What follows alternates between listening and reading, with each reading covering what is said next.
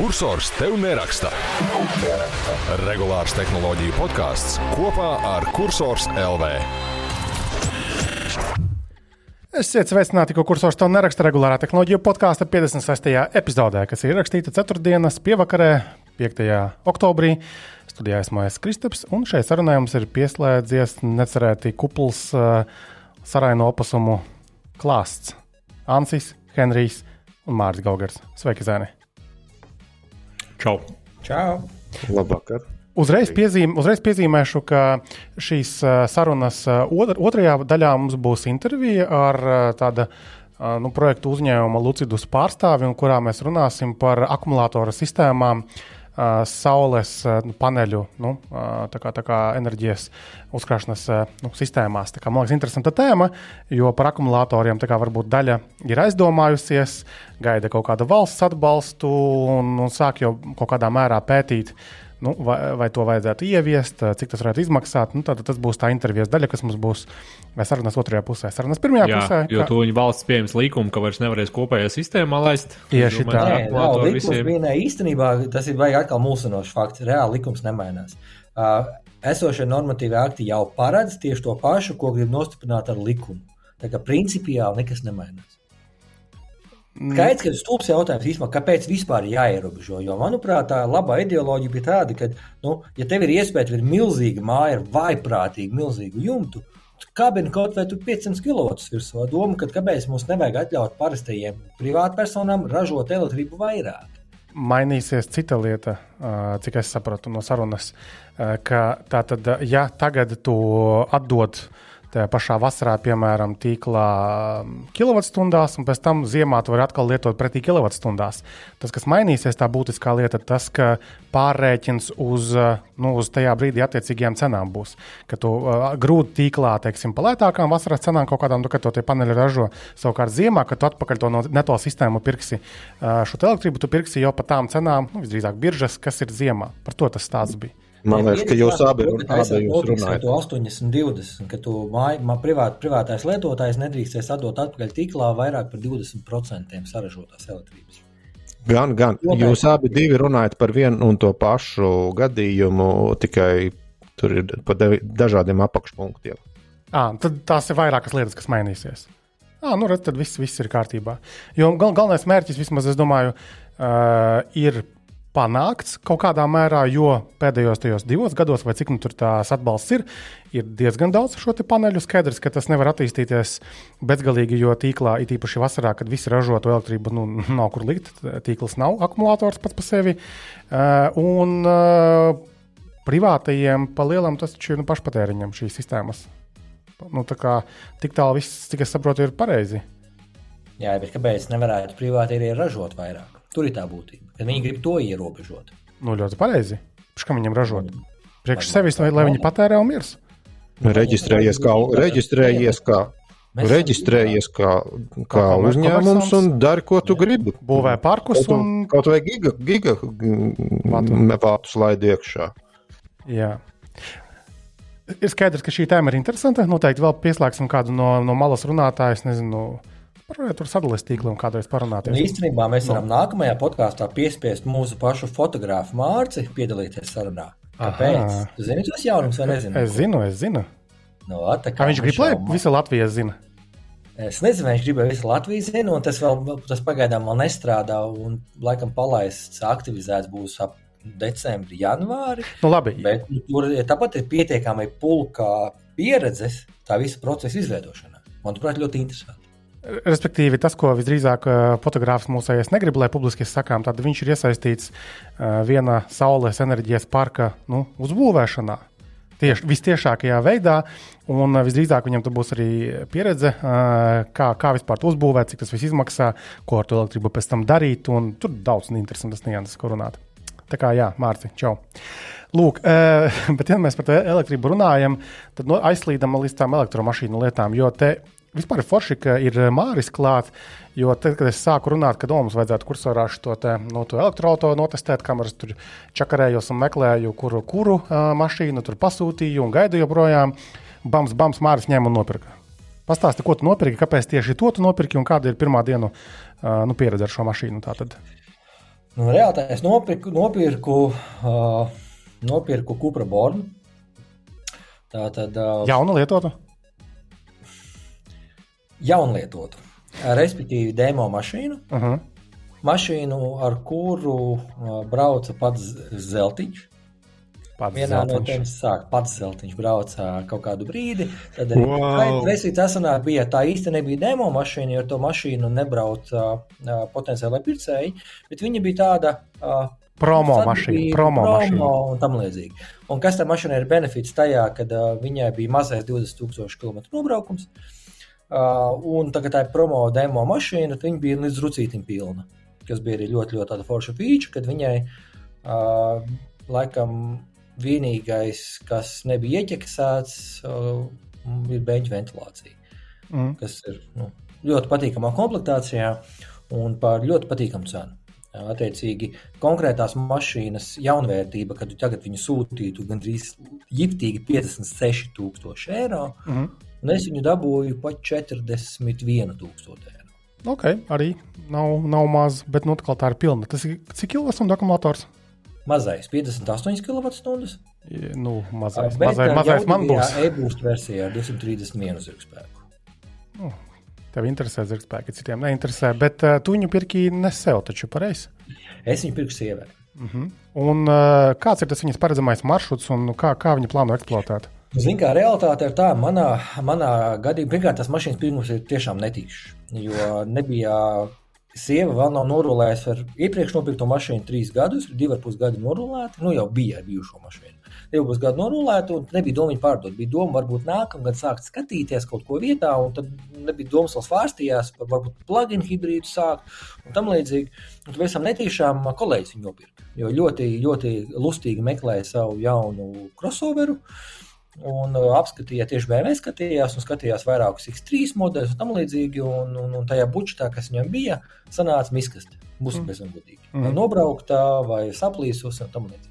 Un tieši tāpēc tam netīšām iemetā klaudu soju, netirgo. Tā, hmm, pakasīju savu zirni, uh, padomāju, varbūt. Uh, un tad, uh, tad es ņēmu palīgā slaveno Latvijā pazīstamo lietu kā Excelis. Un visu vadīju iekšā Excelī. Jo ir tā, ka mana sieva ir netipiska ar to, ka viņa diezgan daudz nobrauc. Tātad viņas nobraukums mēnesī nav zem 2000. Tie ir Mm. īstenībā pat vairāk. Ar to realitātē gadā tiek uzbraukti uh, tādi droši. Uh, droši 25, 30, 35. Nu, tri, pagājušā, pagājušā gadā tieši gadu nobraucot, un ejot skati, jau augustā vai ne, jūlijā bija skati, tieši brīvim jāiet. Bija nobraukt 27,000 km pa gadu. Tad pietiekami lustīgs, lustīgs nobraukums. Un es vienkārši savadīju Excel, visus, visus tos parametrus, kas ko kā. Un, lai cik tas stulbi arī neizklausītos, man šī jaunā mašīna ar visiem gala cipariem sanāks par 20 eiro lētāk mēnesī nekā vecs BMW. Mm -hmm. Nu, nu, Realitātē, uzticamāk, jo kasko vienkārši. Maksājums, kasko maksājums BMW bija 270 eiro. Ne, kas ne, bet uh, līzings kopā ar kasko 270 eiro. Uh, mēnesī ne mazāk kā 300 eiro dīzelis. Tas ir 570 eiro. Uh, oktas, uh, riepas, uh, remonti un pārējās lietas vēl uzskrien savu 70 līdz 100 eiro mēnesī vidēji. No galā sanāca to, ka bija 650 plus eiro mēnesī jāmaksā par BMW. Tā pašā laikā, tā, tāpēc arī tā bi- bieži vien īpaši, es strādāju smogo, kā daudz zina, attiecīgi, es vienmēr, kad, kad es runāju ar partneriem un klientiem, tad saku, ka mašīnas līdzīga maksājums noteikti nav galvenais cipars, ko skatieties. Skatieties uz kopējām izmaksām mēneša un gada šķērsgriezumā. Un jaunajā mašīnā ir tā, ka man viņu, es viņu lādēju pie uzņēmuma, līdz ar to man tas aiziet automātiski elektrības kostos. Līdz ar to pie 2000 km nobraukuma prognozētās izmaksas līdz 60 eiro mēnesī. Tātad tas jau tas cipars vienkārši nereāls. Plus es viņu paņēmu uz uzņēmumu. Attiecīgi, atkal puse PVN ir nost. Un gal galā saliekot tos visus ciparus kopā, sanāca baigi ok. Tā konkrētā mašīna vienkārši uzpeldēja, un tu viņu bams nopirka, vai tu izskatīji vēl kaut kādus variantus? Uh, īstenībā ir tā, ka es biju nospraudis to mēnešu maksājumu, kas man sanāca. Un tajā, maš, tajā budžetā man sanāca mašīnas līdz 43, 42, 43 tūkstošiem. Vairāk mm -hmm. baigi negribēju. Bija divi varianti. Īstenībā es varbūt mikroskopiski nožēloju, vajadzēja noriskēt, bet tomēr tā pašā laikā tā sievas mašīna, varbūt tās nevajadzēja riskēt. Bija tajā pašā budžetā viens Mustangs makī. Mm. gadu gan vecāks, bet ar tādu pašu nobraukumu. Uh, vienīgais, kas izglāba no pirkuma, bija pretī baltā krāsā tā mašīna. Oh, nu, mam. tik ļoti neglīta tā mašīna izskatījās tajā baltajā krāsā, ka es vienkārši no tā noplecu. Bet īstenībā, ja es būtu pircis sev, es noteikti noriskētu Mustangu paņemt, noteikti.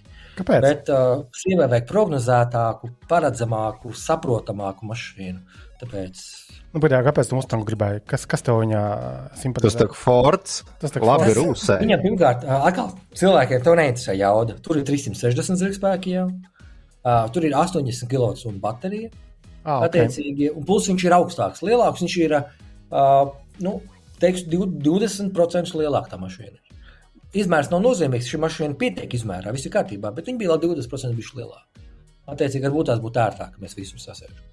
Okay, okay. Nu, labi, tagad, no tiem 40,000 mašīnām mēs nolaižamies uz zemi. Un izrunājam tātad, manu domu gājienu. Tātad, jo es šodien publicēju rakstu par to, kādu tad es izvēlējos sev šo te, nu, ikdienas elektroautorātu lietoto, kur budžets bija ap 15,000, lai kopā ar, ar bankas palīdzību mēs kaut kā varētu nu, nosimulēt to, ko tomēr nu, cilvēki Latvijā var drusku vairāk atļauties nekā 40,000 uz augšu mašīnas. Eh, Tad rakstājs arī nu, mēģināja izskaidrot, okay, ko mēs vispār varam dabūt. Ja? Kā, kas ir tās mašīnas šajā budžetā? Nu, sākot no tātad, eh, mazākām naudām, no 500,000 tev ir kaut kādas eh, šie maziņie brālīši, tā saucamie Citroen C0, Peugeot Ions, Mitsubishi iMīv, kas ir super mazi auto, kas ir eh, ļoti tādi knapi ar 16 kWh akumulatoriem, ar kuru tu nu, 100 km nobraukums jau būs. Uh, sasniegums, ja varēs. Attiecīgi, manā gadījumā tas nedara. Bet, principā, rēķinieties, ka no 5, 7 tūkstoši eiro tas ir kaut kas tāds, ko var dabūt. Tad sākas ļoti kuplā skaitā Renault Zojas ar iepriekšējās tās paudzes.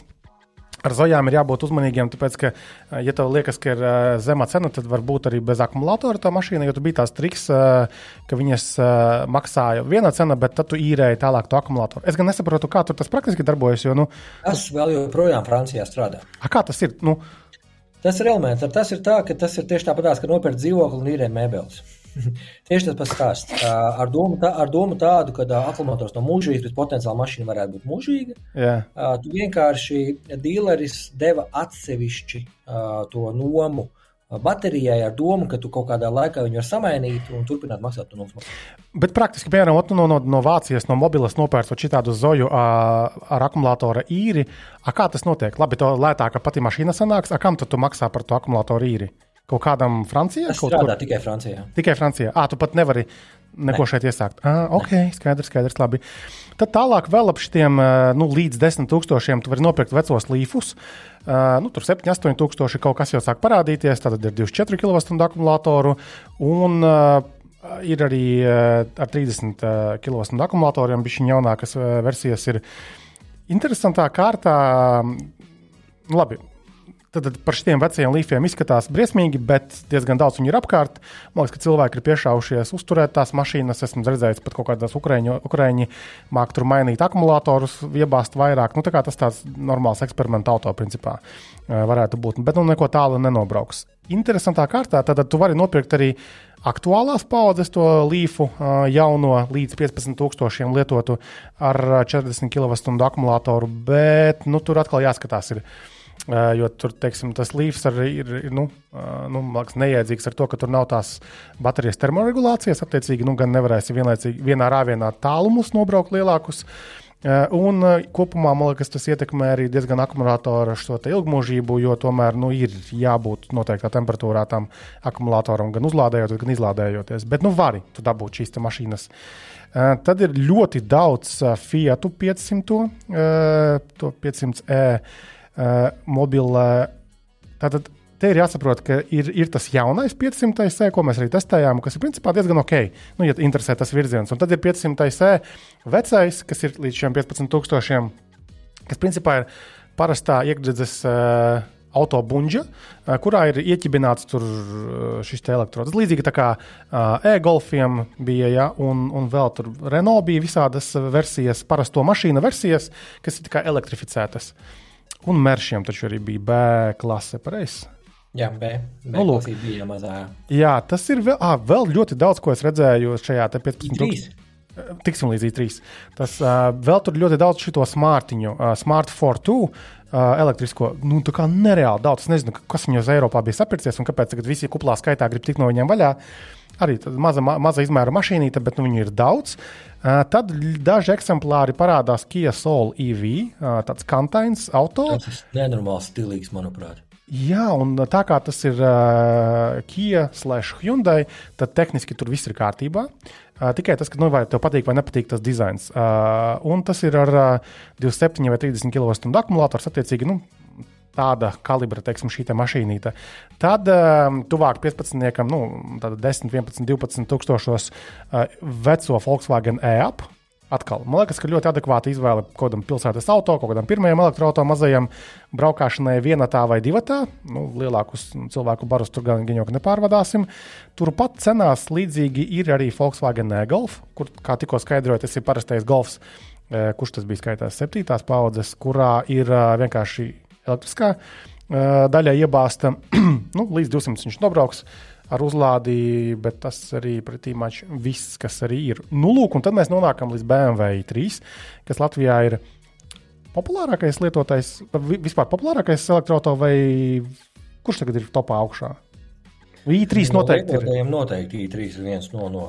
Jā, jo I3 man liekas, ka popularitāti iemantoja ar to, ka uh, vienu labu laiku budžetā ap 20 tūkstošiem uh, tas bija reāli sakarīgs variants tādam piepilsētā dzīvojošam uh, cilvēkam, nu, kam, ir, kam ir šie 20,000, lai var izmantot joslas, lai var mest viņu vecrīgā, uh, noparkot un pilns i3 cilvēki arī sapirkās. Vienīgais ir jāzina, ka uh, BMW ir reāli čakarīgi saprast to akumulātoru ietilpīgumu, jo viņi vienīgie vai viena no vienīgajiem amperstundās, nevis kilowastundās. Tas ir diezgan besīgi. Uh, 96 amperstundas lielā baterija, tas jāatcerās. 94. Nešķiet. Jā, tas ir 33 kWh, bet uh, līdz 15 tomēr tev būs 60 amperstundas, jeb 22 kWh. Un atkal BMW gadījumā tur tomēr arī no komplektācijas atšķirās, jo BMW tu vari tur tomēr diezgan daudz ko saklikšķināt. Um, bet jā, nu, gan jau, ka tev to 94 amperstundu būtu jāskatās, un tas tuvāk 20 tomēr uh, maksā. Uh, pa 15 var dabūt šo maziņo, un 22 kWh man liekas, ir drusku grūti. Īstenībā tajā tā kā baigā, baigā aktualitātē SG elektromašīnas i3 uzleca cena uz no 22 uz 30 tūkstošiem. Mistiski vienkārši. Mm -hmm. Tās cenas ir normalizējušās, bet īstenībā kaut kādus divus gadus atpakaļ tie pilni tādi foršāki faceliftiņi ar lielo bateriju maksā tuvu tricāram. Jau. Mm. Tur vispār likās pilnīgs kosmos kādā sakarā. Nu, redz, Bet kopumā man liekas, ka i3 ir sakarīga mašīna. Bet nu, tur, tur ir dažas nianses. Piemēram, tas nestandarta riepu izmērs. Es nezinu, kā tagad ar to pieejamību, bet Covid gados es lasīju, bija reāli grūti nopirkt šāda izmēra riepas, un tas attiecīgi arī bija dārgākas. Kas ir ar kasko kaut kādu šādām mašīnām? Tur, vai tas ir vairāk atkarīgs no kas ir tas braucējs? Tur ir braucējs, nu kā skaidrs, kas jau tagad rēķina gan mašīna, mašīnas brands, tava braucējs, nu, jaunākais braucējs un īpašnieka bonus malas klase. Tas ir, tā, tas, tas ir tas, ko ņem vērā. Jo tas ir šausmīgi interesanti. Piemēram, man tikko kā draugs, nu, tikko, ne trīs mēnešus atpakaļ, uh, kolēģis nopirka sievai Tesla Model 3. Uh, viņai tā uz viņas vārdu pirmā mašīna. Visu laiku mašīnas bija uz, uz, uz kolēģa vārdu. Pirmā mašīna, Model 3. Jā, arī tie paši 40 tūkstoši kaut kā tur bija. Forša, forša Model 3. Un viņai ir uh, sastais, nu, standarta bonus malu sastais. Viņai kas ko maksājums ir 2750 eiro gadā. Normāli. Tajā pašā laikā, tajā pašā laikā burtiski pagājušā nedēļa vēl viens draugs nopirka sievai Model 3, bet sieviete jau brauc 10 gadus uh, mašīnu. Viņai kas ko maksājums 700 eiro gadā. Tā, kā, tā bonus malus klasē šausmīgi nospēlē lomu tieši kas ko maksā. Ab, abas divas mašīnas brauks par Rīgu? Jā. À, nu okay, jo man liekas, arī tai vietai, kur tas deklarējas, arī nozīmē, kurās pilsētās. Abi, abi, abi, abi Rīga. Un, attiecīgi, tas, kas ko maksājums, var nopeldēt tūkstošos. Jep, jep, jep, jep, jep. Uh, nu, Teslas gadījumā gan tas gan jau saistīts ar, arī ar to, ka šeit oficiāli nav kur labot tās mašīnas. Uh, tas noteikti arī spēlē. Uh, bet mums patiesībā būs ar vienu apdrošinātāju uh, tā tādas interviju sērija, kurā mēs tieši runāsim, kā apdrošinātāji raugās uz lietotajām elektromašīnām kā tādām. Tad noteikti es arī pajautāšu par Teslām un kāpēc teiksim, šādas ir cenas. Cerēsim, ka viņi varēs normāli izskaidrot šo jautājumu. Ejam tālāk. Tad tālāk interesanta mašīna, kas parādās šajā budžetā, ir Dacia Spring. Tātad tas ir pavisam svaiga mašīna salīdzinoši pret visām tām, kas iepriekš ir pieminētas. Jau smējās, jau, jau locās. Es, es redzēju uz ielas. Pasaka. Es redzēju uz ielas, es, es stāvēju un smējos, jo bija kaut kur kaut kādā mūsu Discord chatā parādījusies šī informācija. Un, bet es tā es nebiju pievērsis uzmanību ne, nu, ne, nekam faktiski, ne krāsām, ne cenai, ne, ne, ne izmēram. Un es ieraudzīju ielas, un es, es tā smējos, jo tā mašīna ir tik komiski maziņa. Nu, nu, tāda, tāda multiņu mašīnīte. It, it kā, nu, ja tu skaties no attāluma, un tur neviens cilvēks nav blakus, vai ir kāds mazāk izmēra cilvēciņš, uh, iekšā vai blakus, tad, nu, tad tā ir drusku cita runa. Bet tad, kad tur iesēdies ir vecs, kas ir 1,80 m, 90 m. Tas to ir jāredz vienkārši. To nevar tā vārdos aprakstīt un dziesmās izdziedāt. Tā mašīnīte ir, nu, izmērs ir nu, 0,8 nu, reizes normāls mašīnas izmērs. Nu, tas, tas ir kaut kas fantastisks. Zinām, man šajā gadījumā, Dācijas springa gadījumā, man baigi neuztrauc izmērs un tas komiskums. Viņai ir baigā problēma ar uzlādi. Cik tur bija 30 kW? 30 kW to paveicās. Tajā brīdī, kad eh, mēs braucām rudenī testos, bija šī tikpat draņķīgs laiks ārā īstenībā. Un uh, mēs pie e-mobila 50 kW lādētāja nedabūjām vairāk par 7 kW. Es vēl gribu. Es vēl gribēju ka absolūti tieši tāpatās kā pirmajām, pirmajām zojām, pirmajām līfiem nav vispār nekādas termoregulācijas baterijām. Vispār nekādas. Maksimālais ātrums 125.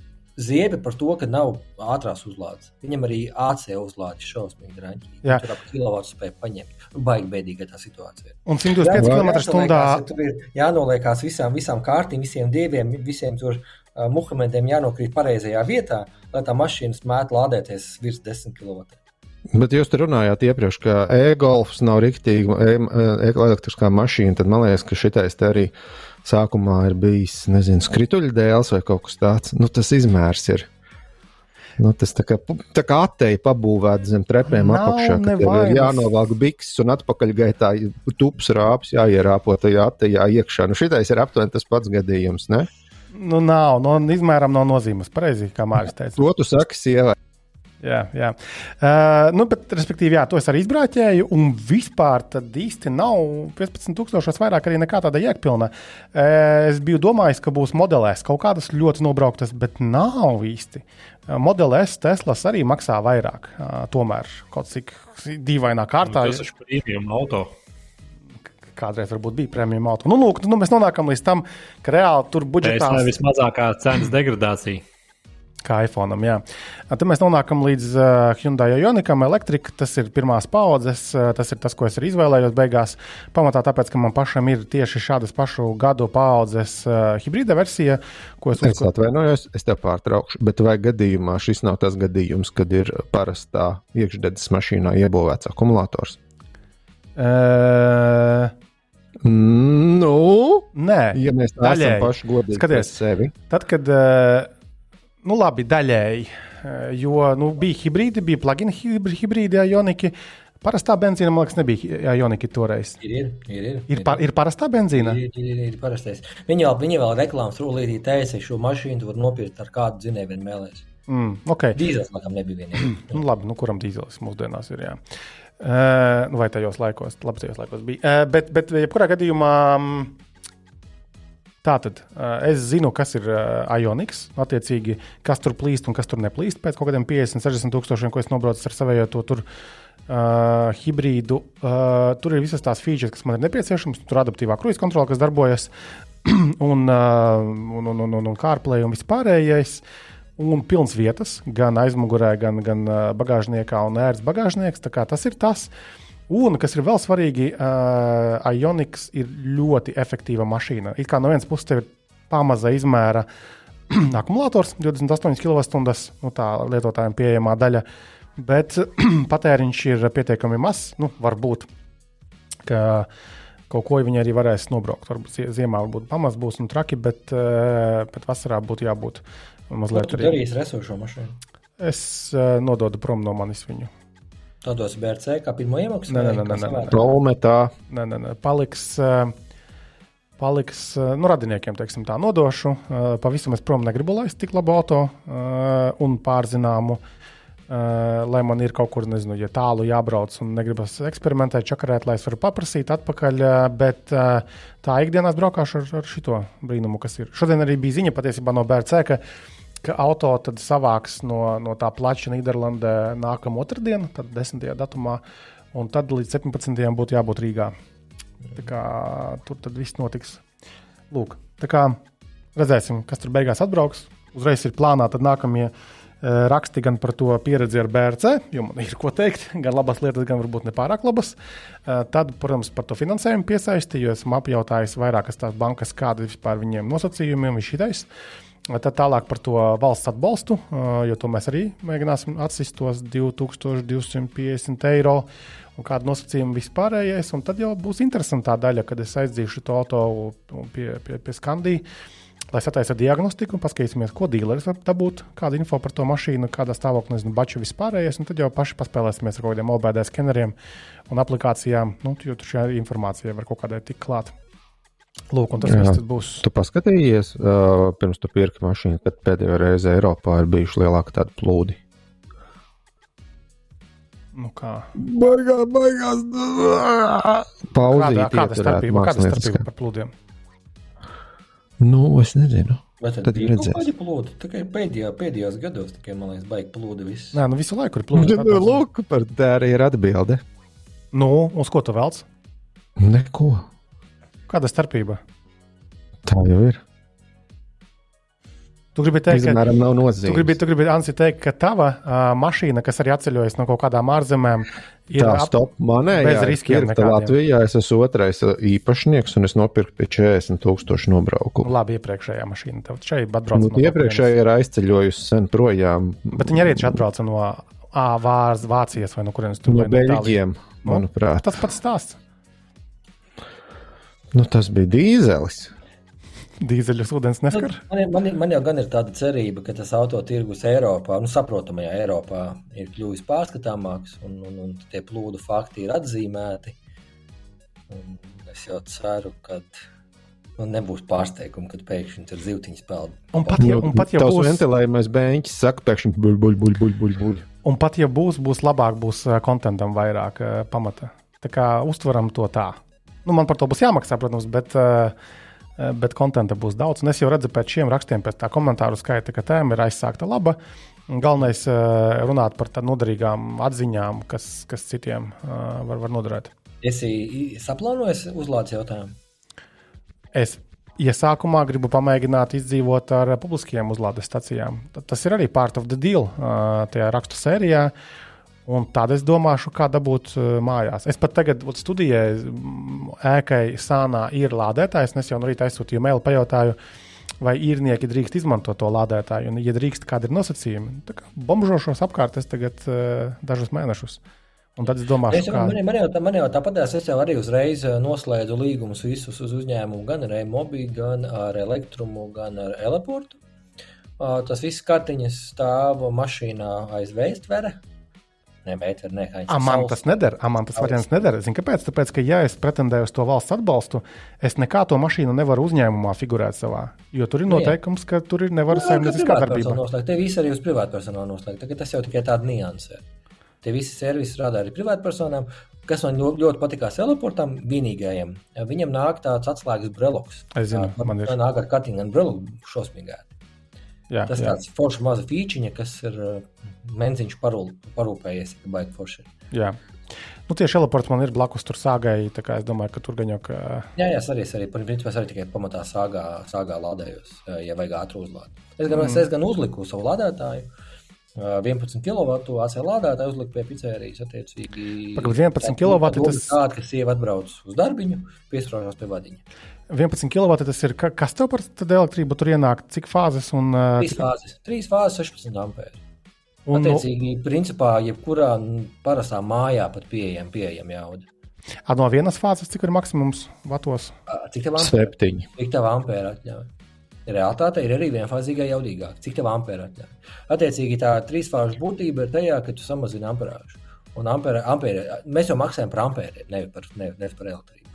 Attiecīgi, cik tev ir pieejama ampēri, un, ja tu gribi dabūt tas pats 7 kW uz vienas fāzes, uz 32 ampēri, tad realitāte tu pats faktiski gandrīz maksāsi dārgāk nekā par trīsfāzīgo ar 16 ampēriem. Un kas tiem visiem moderniem lādētājiem ir baigais benefits? Piemēram, ja tev ir mājā tikai 25 ampēri, un tu netodies paņemt 16 tikai uz mašīnu. Tad visiem moderniem lādētājiem ir tas uh, iebūvēts, es pat nezinu, kā viņš tehniski pareizi saucās, bet regulators. Viņš skatās pieejamo elektrību. Mm. Attiecīgi, pēkšņi jūs ieslēdzat plīti, tad viņš neno, nenoraus visus uh, 16 ampērus, sev viņš paņems mazāk. Jā. Ok, labi. Viss beidzam elektroautorāta tēmu šodien, jo noteikti būs nogarlaikojušies daļa klausītāju. Pusstunda vairāk kā par iPhone. Aiziet par pikseliem. Tātad Google noprezentēja jaunākās ierīces vakar, jā, 4. oktobrī. Tur bija gan abi divi pikseli telefoni, Pixel 8, Pixel 8 Pro, tur bija vietpūkstenītis, Pixel uh, Watch 2 un Pixel Buds Pro tāda daustiņa jaunā versija. Aiziet. Ko viņi noprezentēja? Ir cool vai nav cool? Pirmā, pirmais fakts, es gan neticu tam, teikšu pavisam godīgi. Viņi sola septiņu gadu uh, programmatūras atbalstu. Septiņi Jā, gadi, kosmos. daudz neticu. Nu, come on, es Daudz viet jau, daudz viet jau bija teikts, ka, jā, ka Google patīk noraut visādus savus solījumus. Tur be- bezmaksas un ā, bez ierobežojumu. Fotogrāfija krāšana, tur visādi servisi viņiem ik pa, ik pa pāris mēnešiem tiek norauti. Nu, ne, nebūs tie septiņi gadi. Man tā šķiet. Nu, Es tā domāju. Tev, arī īstenībā nevajag septiņu gadu telefonam dzīvot, ja tā godīgi. Protams, ka Mēs nevajag. Par zaļumiem, par, par, par ilgmūžību, bet septiņi gadi tādai tāda veida ierīcei, kas ir aktīvās lietošanas ierīce, manuprāt, nav vajadzīgs septiņi gadi. Nu, jā, viņi tur pateiks, ai, mums dzelzīši tur netur, tur kaut kas, kaut kas neiet un pārtrauks pēc droši vien tiem pašiem četriem, pieciem gadiem un būs miers. Nu, labi, bet um, speciāli man liekas, ir nu, vienkārši jaudīgāki, labākām kamerām telefoni. Un tā, man liekas, ir diezgan garlaicīgā daļa, at- atskaitot uh, to, ka tur ir termometrs iebūvēts. Tas bija mazajā astotajā vai arī abos divos. Nē, tikai man liekas, pro lielajā. Uh, bet uh, tu saki, uh, ka viss kaut kas ir. Uh, es atkal teikšu tā, ka Google kārtējo reizi uh, jājus šitā te, ka ir viduvēji dzelži un tiek piespēlēts, piesolīts visādas labas lietas ar mākslīgo intelektu un ko tik vēl ne. Mm, Pusi jau viņi tur pateica, ka būs pēc kāda laika iespējams pievienots. Manuprāt, tas attiecās uz uh, pro modeļa šo video uzlabošanu, kas ir uh, pašas Google serveros iekšā, ka tas vēl nav šobrīd. Bet uh, iepriekš Google ir parādījusi, ka jā, tas atnāk varbūt kaut kā nepārāk atbilstoši tam, kas tika solīts, bet iespējams, ka tur jāuzgaida pusgads, deviņi mēneši un tā tālāk. Nu, arī šitais, te, kas nu, nepēc to, ko tev sola, pēc to, kas tiešām arī faktiski ir. Un man liekas, ka šajā gadījumā Google ļoti, ļoti paļaujas gan reklāmas materiālos, gan arī faktā uz šiem te, nu, kas ir čipa mākslīgais intelekts, ka tur būs. Nu, tur būs tie rezultāti dažādi. Nebūs, mm, nu, tas nav iecirsts kokā, ja tev ir iecirsts, es tad neesmu iecirsts akmenī, droši vien, ka, ja tev ir iecirsts akmenī, ka tev tur ir tie savi 48, bet cik tur tie mm, pikseļi, kas tur darbojas tā, un tumsā viņi darbosies tā, tad šitais te, kas ir saistīts ar mākslīgo intelektu, visiem uzlabojumiem, nu, pirmkārt, viņš jau nebūtu nemaz, un otrkārt, var, ja arī ir, tad tas var nebūt uh, samērīgs, vienmērīgs, visu laiku vienāds. Nu, redz, Nu, man īstenībā, kā mēs zinām, tad, tā, tas, tas, kur, tas, kur iPhone rulē, iPhone arī nav vaiprātīgi krūti sensori. Nav vaiprātīgi krūtas tehniski kameras. Uh, Abols izvelk uz postprocesingu. Ļoti izvelk. Un uh, šodien interesants tests, kolēģis tikko kā savu ieķēra S23 aktuālais Samsung, ja? S23 Ultra. Svaigi, svaigi, tikko burtiski no rīta izņēma no kastītes, baigi priecājās, tik rūtas kameras. Mēs sēdējām pusdienotavā, tādā pustumšā, puspagrabā, kur nu, pa lielam nav, nav tumšs no gaišs. Nu, redzīgi, ir ko pastrādāt softiņam. Un mēs paņēmām trīsīgu zūmu un nobildējām vienu to pašu detaļu, viens tās pašas vietas. Nu, es teikšu, godīgi, teikšu Anšu vārdiem, Samsungs iesūkā brutāli tik briesmīgi tā bilde bija salīdzinoši pret iPhone bildi. Bet ar, sam bet ar Samsungu tu vari tālāk ie, iezūmot un dabūt redzīgas kvalitātes bildes. Desmitīgs un tā tālāk, bet realitātē tas, ko dara fiziski lēca, tiem 3X, Samsungam bija stipri briesmīgi tā bilde. Un reāli tas postprocessings izvelk, un man varbūt ir cerība, ka, uh, ka tas AI, kas kaut kādā veidā to postprocesingu daļēji darīs, varbūt viņš varēs kaut ko izvilkt no tā pikseļā. Jā, es, es tev piekritīšu daļēji, ka iPhone bildes ir labākas, it īpaši sākot no kaut kādas 13. paudzes. Nu, tas, tas, tas, ko iPhone izspļauj no sevis ārā, tas ir fantastiski. Uh, par to es saku, kā, kā noliedzējis šim visam Apple pasākumam. Bet, manuprāt, no otras puses, ja paskatās, tad uh, izvēlēties 3x zoomu uh, Manuprāt, Samsung gadījumā es tagad neskatos uz, uz datu lapu, bet vai viņam gadījumā tas 3x zooms nav jau kaut kāds hibrīdais? Uh, vai iPhone tas nav īsts? Abiem, abiem diviem ir 3x uh, fiziski. Domātais. Jā, nu, labi. Fiz... Nepieķeramies vārdam fiziski. Attiecīgi, viņam tas ir uh, tas, kas jau ir Samsungam 10x, tas jau ir jau mākslīgi. Nu, bet abiem Sam... 3x ir dabīgais. Samsungam, man liekas, 10x būs dabīgais. Un iPhone, nu, labi, es nezinu, iPhone. Vēl jau vairāk 3x vajadzēja rulēt, nevis tā, ka iPhone rulē. Labi, sūdz ar to pikselim, tāpat labākas bildes ir. Tā, tā ir vienīgā lieta, kas man rīktīgi patika tajā pikselī 7 Pro, kas man bija. Uh, uz pusgadiņu, nu, ka bildes vienkārši tas, man, ko, tas, ko izdara tas telefons. Tas ir 5 pikselis, vai 4 un 5 pikselis. Jā. Man arī ļoti patīk bildes ar tik briesmīgiem sensoriem dabūt jā. tādu bildi vienkārši wow. Jā, tajā softā ir tā maģija. Jā. Um, nu jā, bet par to te termometru man liekas, ka tas ir nokavēts uh, par dažiem gadiem. Covid laikos vat, jā, vat, tas bija mega feature, un kaut kāda ķīniešu telefoniem dažiem bija iebūvēta. Tā, tā tagad priekš kam, ko tu mērīsi? Nezinu, nu, ko tu mērīsi reāli termometru telefonā? Nu, es nezinu, cik jāgarīts ir augsts. Vai cik tā ir karsta. Tas ir liela bezjēdzīga fakti. Jā, tieši tā. Um, Kas tad vēl mums ir? Tam, tam, tam, tam pulkstenim ir kaut kāds mega features, kas klāt nākušas. Notur dienu nakti akumulators ar on ekrānu. Neticami! Visi, visi var Apple Watch to nevar. Apple Watch to nevar. Ultra to var, bet parastais Apple Watch iespējams to nevar ar always on ekrānu. Nevar. Nevar. nevar. At, nu, jā, bet... Tur bija man, man atkal man atkal no tiem pikseļu vačiem um, palika tāda drusku, nu, nu tā kā vieglāks kļuvis, kas man liekas arī, nu, kas tu meitene esi, nu, cik, nu, nu cik, cik tas mazais. Tā bilde šausmīgi atgādināja tos lētos uh, lidostus vačus. Ah, tie plānie, tie skīni, vai kā jā, viņi tur saucās. Lēties vači, ko bērnam nopirkt par 22 dolāru. Bet mm. uh, tur runājot par to pulksteni un arī telefoniem, man liekas, bija tāda forša drošības funkcija. Es aizmirsu, kāds nosaukums bija, kad idejas, ka tu iestatika um, uz kaut kādu laiku, uh, nezinu, piemēram, kamēr tu ej mājās. Un tad, ja tu pēc šī laika, nu, taimera beigšanās pats, nu, nezinu, pulkstenī vai telefonā nenospied, ka man viss ir kārtībā, ka automātiski aiziet ziņa tur kaut kādiem taviem, nezinu, kontaktiem. Tas man likās diezgan mīlīgi. Tur gan nekā... Nu, Mākslinieks vai slimniekiem, slimniekiem nu, vai, vai, vai bērniem, vai, nezinu, vai, vai kam. Uh, Tas ir tas, ah, un savukārt austiņām bija tas, ko Apple AirPodiem saviem pēdējiem prezentēja. Respektīvi, ja austiņas detektē, ka tu runā, tad viņi pamaina to mm, režīmu, to transparenciju, ka tu kā, dzirdi to, ko ar tevi runā, ka tev nav pašam tur jāpiespiež un jāpārslēdz tie režīmi. Tas ir tas, ko AirPodī tagad nesen izziņotajos viņi, viņi uzsvēra, un tagad tas pats ir arī Google. Lūk, austiņas, Google, šie Pixel Buds Pro ir, ir rīktīgi nice. Labi skan, viss tur labi darbojas, un tās features arī. Viss ok, tos atceros no tā testa, kas man te bija uh, iepriekš. Es jau pilnu komplektu gandrīz testēju. Tā kā, nu, vienkārši aktualizētas ierīces. Atkal Latvijā noteikti oficiāli neviens baigi netirgos, attiecīgi neatbalstīs, un viss tur gļukos un nedarbosies kā nākas. Jā, un starp citu, uh, kļuvuši dārgāki Ir, uh, Jā. ja es nemaldos, dārgais pro ir no 1100 eiro. Šausmas. Un lētais parastais Pixel 8 bija 800 eiro vai kaut kas tāds. Un Cik tam bija iepriekšējais? simtu lētāk, jā, Simt, bija simt divi lētāks. Ja? Mhm. Okay. Jā.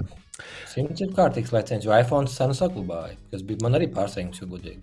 Man liekas, ka pat kaut kādi modeļi bija kļuvuši kaut kur drusku lētāki Eiropā. Es neobligāti Ir pie tā, ka vienkārši 64 gigabaiti vairs nav pieejami. Attiecīgi, viss sāks no 128, attiecīgi, tev jāuztur mazāk tie atmiņas čipi, ir varbūt tāpēc.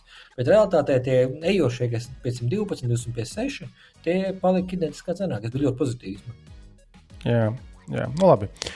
Tad uh, pikseli kā pikseli, bet vēl bija izziņot arī tie Samsung, uh, kā viņi tur fan edition skaitās, produkti, tāda telefons. Viņi paši laikam nesauc par fan edition, bet vienkārši Tā- FE. Tautās viņu sauc par fan edition. Tātad uh, Samsung Galaxy S23 fan edition, uh, tad bija planšetdators un austiņas. Uh, netipiski agrāk fan edition bija tikai telefoni, vai bija arī citi produkti? Bija pieredzīgi produkti. Okay. Kaut kāds planšetdators lietoju, bija. Laikam. tā es jau lietoju. Man bija tā, ka tā, kā man, man bitē piespieda vienu brīdi staigāt diviem telefoniem, tad es paņēmu par to, kas no par ko nav jāmaksā.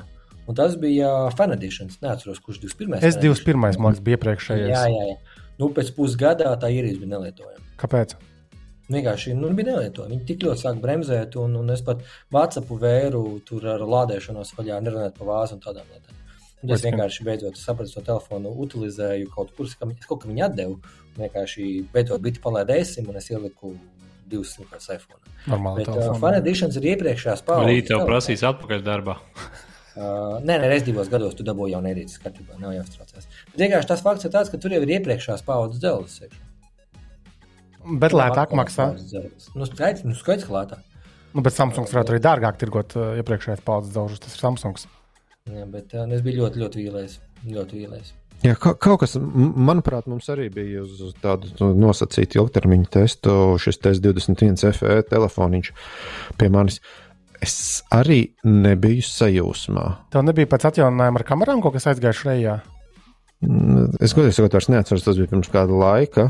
Mm. Pirms vairāk nekā pusgada, stipri vairāk nekā pirms pusgada. Jā, Bet um, tā bija tā sajūta, ka tas tomēr tas vietālrunis ir bijis pa dārgu priekš tā, kas, ko, ko tu reāli saņēmi salīdzinot ar šo te S21 vai ap to mirkli jau gandrīz S22 sērija bija iznākusi, manuprāt. Es, tas S21 Fan Edition bija 22. gada janvāris. Un pēc pāris mēnešiem jau iznāca S22 sērija, parastā, kas ir. Un, un, un, un man liekas, ka tur tai, nu, kaut kas viņiem tur nebija sagājis, bet, bet, bet, bet es neatradu šim jaunajam S23 Fan Editionam uh, cenu Eiropas. Nu, nekur nebija. Vismaz šodien nebija vēl parādījusies. Bet uh, dolāru cena bija par 100 dolāriem mazāka nekā S21 Fan Editionam, kas ir pusotru gadu vecs jau štrunts. Tā kā varbūt, varbūt iet uz labo pusi šajā ziņā, bet nu atkal uh, šim te jaunajam S23 FE ir Exynos processors iekšā un, manuprāt, 8 GB rāms, kas mūsdienās vairs nav super uzrunājoši vismaz Android pasaulē. mhm. tad uh, Pagad- Nu, ir potenciāls, bet ir potenciāls arī bišķiņā aplausties, es tā domāju. Bet tā kā ir lētāk, tad es teiktu, ka ir tas potenciāls aplausties bišķiņ mazāks Jā, par 100 eiro. lētāk, kādu cenu vispār mēs runājam. Eiropas cenas ir izziņotas. Es redzēju, Amerikas tikai cenas pagaidām. Amerikas cenas bija s- 599 dolāri. Jā. Tātad Eiropā 699 eiro. Nu, vot, Eiropas cenas nebija, un pie mums sam, ne, ne Samsungs uh, Vācijā, ne Samsungs Latvijā savas oficiālās lapās nebija salicis neko iekšā. Vismaz no rīta, kad, uh, kad tāpa saturs. Līdz ar to ceturtdienas rīts tas ir. Uh, nu, ir grūti komentēt. Bija par planšetdatoriem, uh, Samsunga cenas bija, par vispārējiem šiem te fan editioniem cenas bija, bet tieši par vietālu cenu es Eiropā neatradu nekādu uzticamo. Hmm. Bet nu būs taču Eiropā, nevar nebūt. Tas Samsung. Nu, jābūt ir, jā. Amerikā ir Snapdragons uh, un internacionālā versija, kas ir pasaules versija. Pārējās pasaules ir Rexinos. Mm -hmm. Droši vien. Vācijas jābūt, jā. Samsungā iegāja. Jā, jā, jā, es saku, es ā, Vācijas Samsungā iegāju un nebija. Un uh, Latvijas Samsungā vispār šodien, tas ir ceturtdiena, kas ir uh, nezinu, kas tas 5. oktobris, vispār nebija nekāda jaunuma ielikt Es par arī skatījos, jā, jā. Ka tur nebija nekas nu, dīvaini. Nu, labi, nu, cerams, ka sagaidīsim tās ierīces. Uh, ja pēc mūsu izrunāšanās kāds mums viņas iedos uz testu, un tad arī pārbaudīsim, kas tur ir un kas tur nav. Jā, jo mājaslapā joprojām nav šīs informācijas. Bet, Krita, mums nav izrunāšanās, mums ir kaili fakti. Jā, kā ir tā sakām. Par to arī, darbie klausītāji, mūs arī ciena un nu, nemīl, bet klausās. Mīl, tikai- mīl, tikai- mīl tikai ciena. jā, jā. okay. uh, labi. Sūtus kūpstus. Okay, uh, tā tad Samsungs skaidrs. Ah, pagaidi, Samsungam bija vēl tāda baumu ziņa, ka kaut kādu video spēļu straumēšanas servisu viņi priekš Samsung telefoniem taisa. Tā kā iz- izziņots nav. Viņiem, cik es saprotu, tuvumā kaut kāda ir izstrādātāja konference, un tad tur viņi prezentē šo lietu. Kāds papētīja vairāk to ziņu? Ansis, tu noteikti papētīji, kā Samsung. Nē, es, nepē, es ne, Mifiga nepētīju, bet uh, Samsungam jau šobrīd uh, viņu tajā, kas ir lietotņu veikals, ir tādi tā kā nu, tādas spēles, ko tur spēlēt. Nu, tās ir drusciņi labākas nekā browserī spēlējamas spēles, bet tās uh, nav lejupielādējamas spēles. Nu, viņi paši tajā lietotņu veikalā ir atrodams. Bet par ko tur bija ziņa, es tiešām nepaskatījos. Nu, kaut, tur, tur būs kaut kāds nu, cloud gaming, tas, kas tagad visiem populāri ir. Nu, kā, nu, nu, nu, lai palaiž, nu, tad arī, Tad arī skatīsimies, kas tur ir. Nu, mētāties ar pirkstiem un solīt mākslīgo intelektu, protams, visi to mēs zinām. Skaidrs. Okay, labi, tad uh, ķeramies klāt pie Henrija mīļākās tēmas - iPhone jaunumi. Henrija, aiziet. Ā, Nav jau nekā. Nu kā nav nekā? Lielākais jaunums no jūsu kopušais reizes. Latvijā ir iespējams iegādāties iPhone jauno. Tā labi. Jo jūs ierakstījāt Jā, pagājušajā bitē, ceturtdienā. tur nāk, bet īstenībā šogad ļoti skopi nāk ierīces iekšā. Mums kopā kā parasti. gada arī tā bija. tā meitene, kas formē bitē uzņē, uzņēmumiem iPhone jaunos, sēž blakus, nu, tas blakus bišķi tālāk, nu, redzam, redz, redzamībā, teiksim tā. Un reāli bitē ienāk dienā par 20, 25 iPhone. Nevairāk. Ļoti knapi nāk. Pagājušajā gadā tur ienāca uzreiz simti un varēja tur pa labi pakrējuši tancēt viņus vērā. Tad šogad ir baigā gaidīšana. Baigā. Nu, trešajā pasaules valstī tā ir. Bet pagājušajā gadā bija tāpat. Man arī bija jāgaida kā divi mēneši. Bet uh, atgriežoties pie Apple jaunumiem, nu tiešām nekā nav. Nu kā nav, ir, ir. Lielākais varētu būt tas, ka uh, iPhone karsa, jaunie iPhone 15, iPhone 15 Pro, nu it kā 15 Pro, bet uh, citi saka arī 15. Un tad uh, šodien ir izlaists atjauninājums, tā kā viņš jau bija no rīta. Kā tas ir tie, kas jau klausīsies svētdien, tad uh, cerams, ka visi jau būs atjaunojuši, jo ceturtdien ir iznācis. Un uh, tas salabos karšanas problēmu, kas it kā bija baks iOS 17, bet ko runā, ka tas varētu būt saistīts ar uh, jaudīgajiem A7 A17 Pro, A17 Pro procesoriem, kas ir uh, iPhone Pro 15 Pro modeļos. Un kā var salabot? Es, uh, ko tad? Un kā var salabot jaudīgus procesorus? Downklokojot. Frotlojot. Jā, vai šitais tas nav tas? muļķībām. Tādas var rakstīt Discordā, tur čatā. iPhone, Jā, jā. Tas nav jādara. Tieši tā, iPhone arī, jā, iPhone arī nekļūst lēnāks, lai ilgāk uh, bateriju turētu. Nē, Nekad tas nav kā- noticis. iPhone ir labākais telefons. Viennozīmīgi. Un, labi, bet es to ko pamanīju, kad arī mans 14 Pro modelis izskatās, ka nedaudz labāk, ilgāk tur baterija, vismaz pēc sajūtām. Bet, nu, nezinu, vai tas saistīts. Jā, tas bija. Tas ir bija saistīts vienkārši ar to, ka ārā ir tumšāks ilgāku laiku, un viņš strādā ar mazāku ekrāna spilgtumu. Lūk, ar ko tas ir saistīts. Ai, Nu, bet, zināmā mērā, darbā dienā deg gaisma. Es eh, šitam nepiekritīšu. To tagad es nesēžu ārā visu dienu. Tas tomēr ir oficiālā. Bet uh, labs minējums. Uh, tā tad tā. Kas tad vēl tāds? Man patika tā ziņa, ka Jā, jā. BMW Nu. nu. mašīnās iebūvētie bezvadu lādētāji briko iPhone jaunos. Respektīvi, tur ir iPhone jaunajos, laikam, ir kaut kāds vārīgāks NFC čips, un uh, BMW gadījumā izcep vienkārši tos telefonus. Es brīnos, ka nav Volkswagen ierakstīts. A, kāpēc? Jo, lai nu ko Volkswagen nemāķi darīt, viņi daudz ko nemāķi darīt. Bet to, ko viņi izcili nemāķi darīt, nemāķi taisīt bezvadu lādētāju mašīnā. Ko tu nemācēji? Labi, Apple arī. Nemāc. Tā, tā bija problēma jau tā, kad mēs testējām Golf 8 ar bezvadu lādētāju. Tas, ir reģions, bija jau savu jiftīgus 3 vai 4 gadus atpakaļ. Nu, Un tagad tas pats, teiksim, ID3, tagad ID3 facelitāte, man kuprā tas bezvadu lādētājs. Labāk viņu aizmirst viņa eksistenci. Jo realitātē uh, es uzņēmu laiku, telefons palika nepieskarami karsts aptuveni 10 minūšu laikā. Tur nav nekādas ventilācijas viņos iekšā, nav dzēsēšanas. Un es nezinu, ko viņš tur dara vai kā viņš tur dara, bet ir pilnīgi kapi. Un es domāju, ka parā, parādīsies laiks, kad arī Volkswagen raksts būs, jo realitātē es domāju, tas ir tā, tā, tā konstruktīvām izmaiņām, ka tur ir tā dzetas alumīnija plāksne, kā viņi sauc, ir pārcelta no stikla, pārcelta uz korpusu. Uh -huh. Es domāju, ka tur ir tā problēma, ka vienkārši dotā brīdī iPhone sliktāk tiek galā ar karstumu. Mm. Tā bija iepriekš. Jo 14. uzkarst, nobļaujās, izmetās sarkans ekrāns, pasakā gaidi, un pēc kāda laika lieto tālāk, kā 15 nosprāst. Tas nav tikai BMW prikoliņš. Es domāju, tas būs visu mūsdienu nemoderno mašīnu. Te pašā laikā pat divgadīgs Lexus ar bezvadu lādētājs redzēšanu. Mm -hmm. Kāpēc viņi var izdarīt to? paņem vienkārši nopērts šo te, kas ir liekams dzes, nu, restītē iekšā kaut kāda baze uz 25 eiro. Jā, ja tur uzreiz tev kaut no, no lemona, jā. jā, jā, vienalga. Tev uzreiz kondiška pūš virsū vēsu gaisu. Nekāda problēma. Tieši tāds risinājums ir, viņš strādā. Respektīvi, kur ir vēl problēmas ar to mašīnām? Man ļoti patīkās, ja mēs runājam par mašīnu bez lādētājiem, man ļoti patīkās, kā ar amerikāņiem uztaisīts gan Dodge Ram, ko mēs braucām, gan ar kaut kādiem vēl kaut ko braucu. Viņam sanāk, viņš ir uh, pirmkārt gareniski, nevis, uh, nevis horizontāli, un viņš iespiežās ar gumiju un maliņu. Vienkārši tas sāks viņu iebāz tajā vietā, kuriem jālādējās. Uh, viņu, viņš turās, viņš ir nofiksēts. Attiecīgi, pirmkārt, tu nemakarējies ar pirkstiem gar viņu, viņš nekustās un, uh, un nemekars tādā veidā. Viņam jābūt nofiksētam. Gan BMW, gan Volkswagenam, gan lielākajai daļai ražo, autoražotāju. Viņš vienkārši kaut kur nolicis, kaut kāda plakne, kur tu noliec telefonu un Latvijas be, viena bedra, telefons nokustās. Atslēdzas, ieslēdzas. Lādēties sliktākajā gadījumā kaut kur sāk karst, un tur sākas tā, tās problēmas. Tā kā es domāju, ka BMW noteikti vienkārši BMW pasaulē labākā mašīna, tāpēc vienkārši viņiem raksta kā pirmajiem.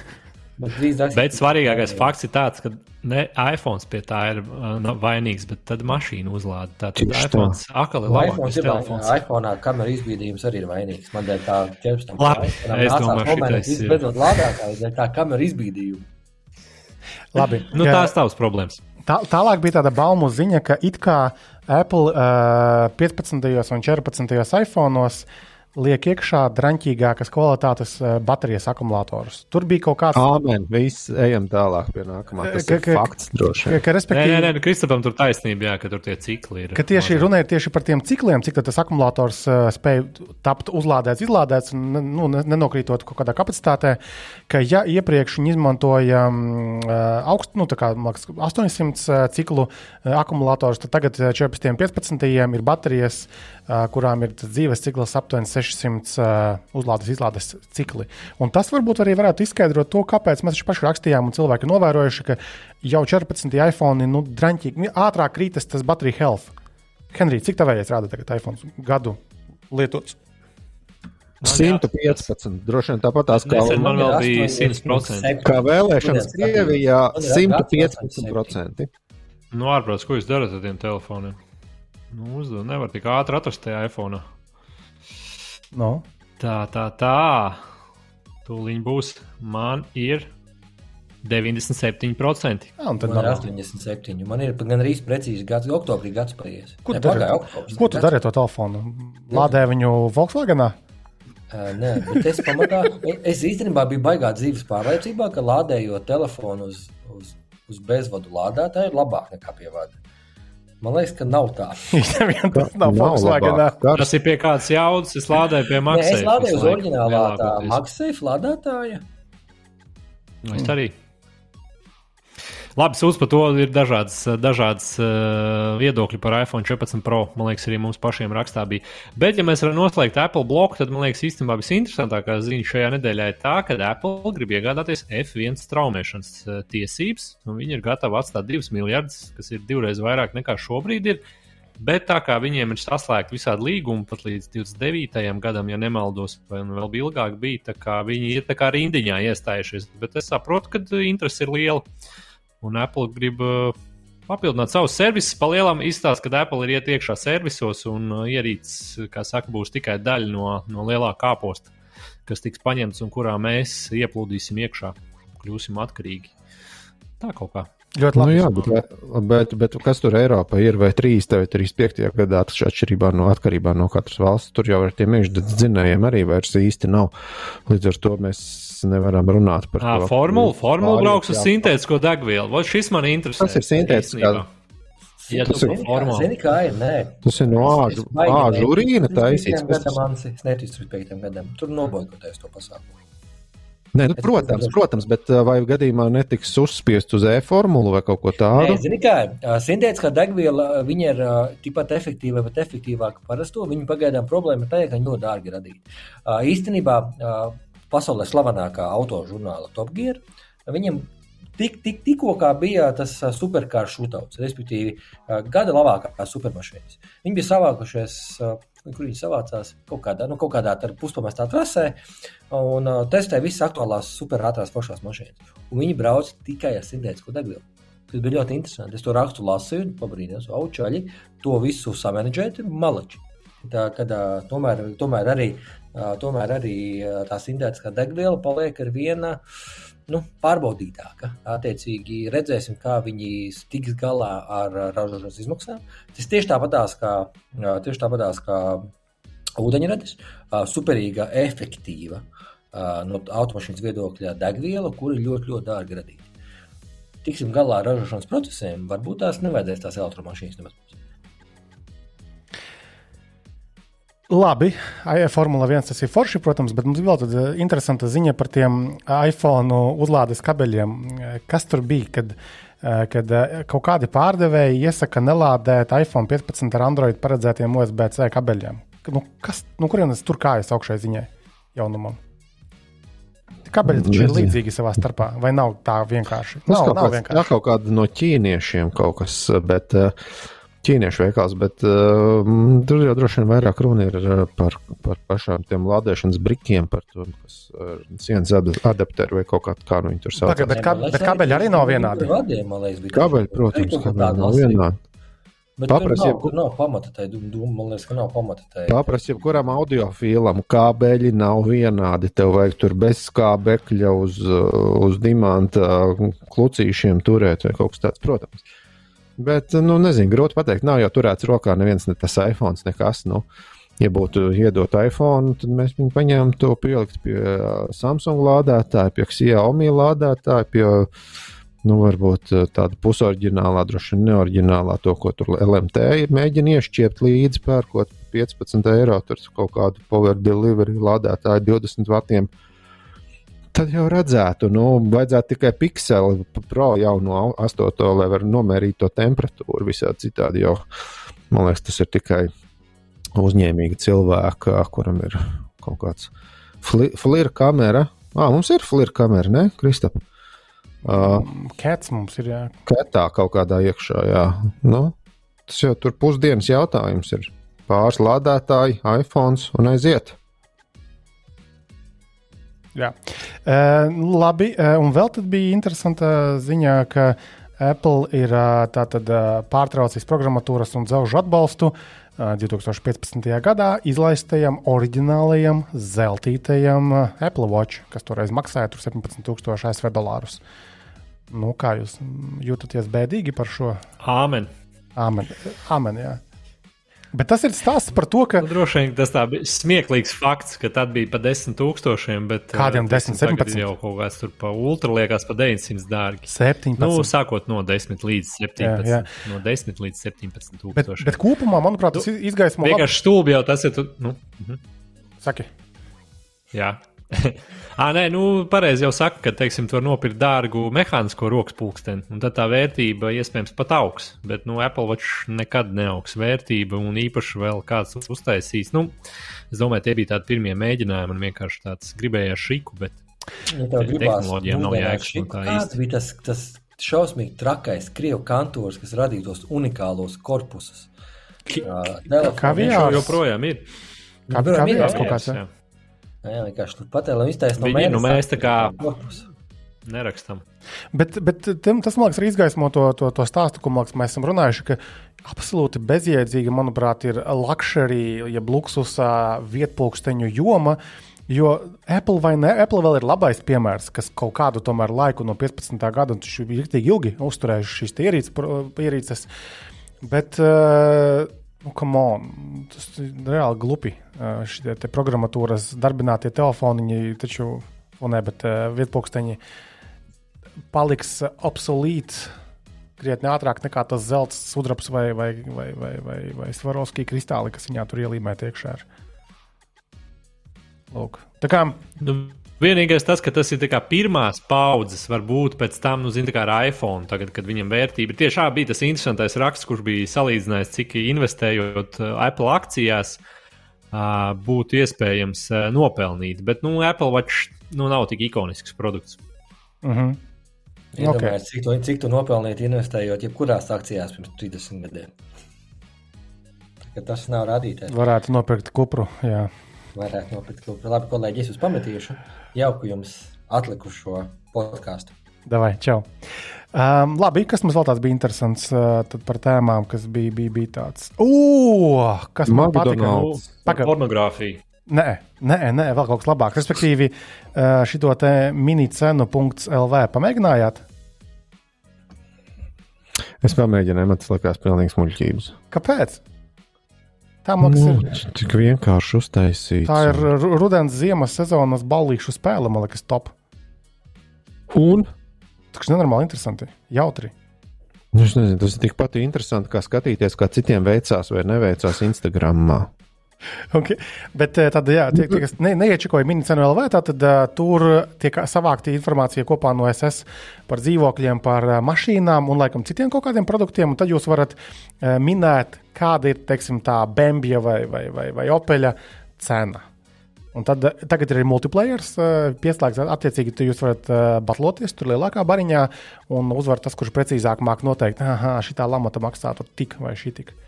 Es izrāvu bet man liekas, tur- Nu, Tur vajadzētu būt kaut kādam filtriņam, tomēr, lai tu vari atlasīt, piemēram, par Opeliem, vai tikai par BMW, vai tikai par veciem Mercedesiem. Jo nu, tā, tas, kas tur iet cauri, nu, nu, tur ir jābūt trakam, trakam pilnīgi jukušam, lai, uh, lai mēģinātu kaut nedaudz pieturēties pie tā, nu, tām cenām, kas tur ir. Nu, nu, tu nevari zināt visu, vienmēr sakot, manuprāt. Kaut kādā pre prēmijuma versijā gan jau ka filtrs ieviesīs. Bet pamēģiniet, minicenu.lv. Lūk, uh, tad par McDonald's. Tātad, uh, kas, ka- kas tur bija? Tad viņiem ir aplikācija. Aplikācija gan nav jauna. Bet tas, kas ir jauns, tas, ka beidzot viņi ir ieviesuši laikam, apmaksas un uh, maltītes pasūtīšanas iespēju tajā lietotnē. Kā komentāros mums norādīja, tas, kas Hesburgeram jau ir sen. Ja? Jā, Jā, tā ir. Sen nav izmantots hesītim tautas valodā sakot, tas bija. Bet es domāju, ka magnāts ir droši vien bijis šī viņa uzfrišinājis arī ar to piegādi kaut kādās speciālās vietās. Tas varētu būt tas atšķirīgais. Nu, ka tev, nezinu, tur līdz mašīnai kaut kur aiznes. Jā, kaut kas tāds bija. Mums piekdienās darbā ir uh, maķīša dienas, tad mēs sūtām ēst no maķīša, tāpēc varbūt rītdien būs jānotestē, kā tas darbojas. Okay. Uh, tālāk, kas vēl tāds bija uh, aizraujošs mums? Ah, par tiem one wheeliem. Noteikti esat redzējuši arī Rīgā, nu, vai, vai Latvijā, kaut kur citvietā. Tā, tā kā tādu skrituļu dēli, mm, kuram centrā ir uh, nu, liels tāds. Nezinu, dārza, uh, mazās dārza tehnikas izmēra tā kā ritenis. Un, un, tur tā, un tur tā problēma bija tāda, ka tur ir uh, gājuši bojā vairāki, četri gabali, četri nāves gadījumi one wheel izmantošanas laikā. Uh, un uh, tagad viņi ir atsaukuši laikam visus produktus tos savējos. Man bija pārsteigums, ka ir tik maz beigti, godīgi sakot. Ja? Jā. Jo Rīgā ir, ir kād, kādreiz, man liekas, kaut kāds viens kantors tirgoja, vai Andrejs salā, vai kur. Un, un es, es pat pazīstu vienu džentlmeni, kuram vismaz bija kādreiz. Viņš teica, ka viņš ir pāris reizes nostiepies gar, garšļaukus ar to aparātu, bet man liekas, tur varēja diezgan jautri ieskrieties. Nu, un, ja tu nepamāni kādu brangāku bedri vai, vai apmali, nu, tad tur var visādi gadīties ar to vienu riteni. Vienā sakot, jā, es, es biju pārsteigts, ka tikai četri ir beigti šo gadu laikā. Es biju domājis, ka tur būs desmitiem vairāk, nu, kaut kas uz to pusi. Mm. Mm. Kas tur bija ar to segvēja uh, kompānijas, jeb idejas autors? Taču arī gāja bojā uz sava tā vērķa. Jā, nokrita no klints vai kaut kas tāds. Respektīvi, nav joka lieta ar šitiem uh, drapakiem. Darbiņš, darbiņš ir jāmīl. Jā, Līdz nāvi jūs šķirs. jā, jā. Tā kā esiet prātīgi ar šitiem te one-wheeliem. Uh, un kursoram savulaik bija mm, raksts no Rudolfa uh, tieši par elektriskajiem uh, skrituļdēļiem, jo viņš viņus tur skrūvēja un būvēja. Un es viņu satiku pirms nedēļas, kaut kādas pusdienojām, vēl dzīvs. Uh, joprojām pārvietojas ar šiem dīvainajiem uh, vērķiem, un tas stāstīja, kā tur, ko tur, uh, kā, kā izdzīvot uz šāda vērķa un uh, kas notiek, kad tur pēkšņi apstājas uh, tas vērķis kustībā, ka tad ir wow, un biksēs brūna strīpa. Lūk, uh, kas mums vēl tāds bija aizraujošs? Prada izstrādās kosmosa tērpus NASA's uh, 2025. gadā paredzētajai Artemis 3 misijai uz mēnesi. Kāpēc ne? Tas ir Henrija tēma atzīmētais, ir Henrija. Kā modes cilvēks mums. Nu, tad es, ne, es normālākais modes cilvēks, jā. Bet nu, situācija tāda, ka šajā reizē NASA izmanto dažādas apakšu uzņēmējas, dažādām lietām, un eh, nevis paši taisa, kāds bija iepriekš. 60. un 70. gados, uh, viņiem tērps taisīs tāds Axiom Space, un tas Axiom Space atkal sadarbosies ar Prada. Un, un tad uh, šoreiz varbūt būs vairāk uzsvars arī uz to modi. Nu, lai kā saka, tie tērpes pieņem arī tā tīri vizuālāk, un, un, un uh, nevis tikai, tikai tā praktiskā puse ir, bet arī, lai nu, tiešām tie cilvēki, tur astronauti justos ērti. Protams, tā kā pirmā sieviete dosies, ka uz mēnesi, tad jau arī, nu, zināmā, kad modes zīmola piesaista klāt, tad tāds varbūt tāds standartīgāk klišejs kā domāšana.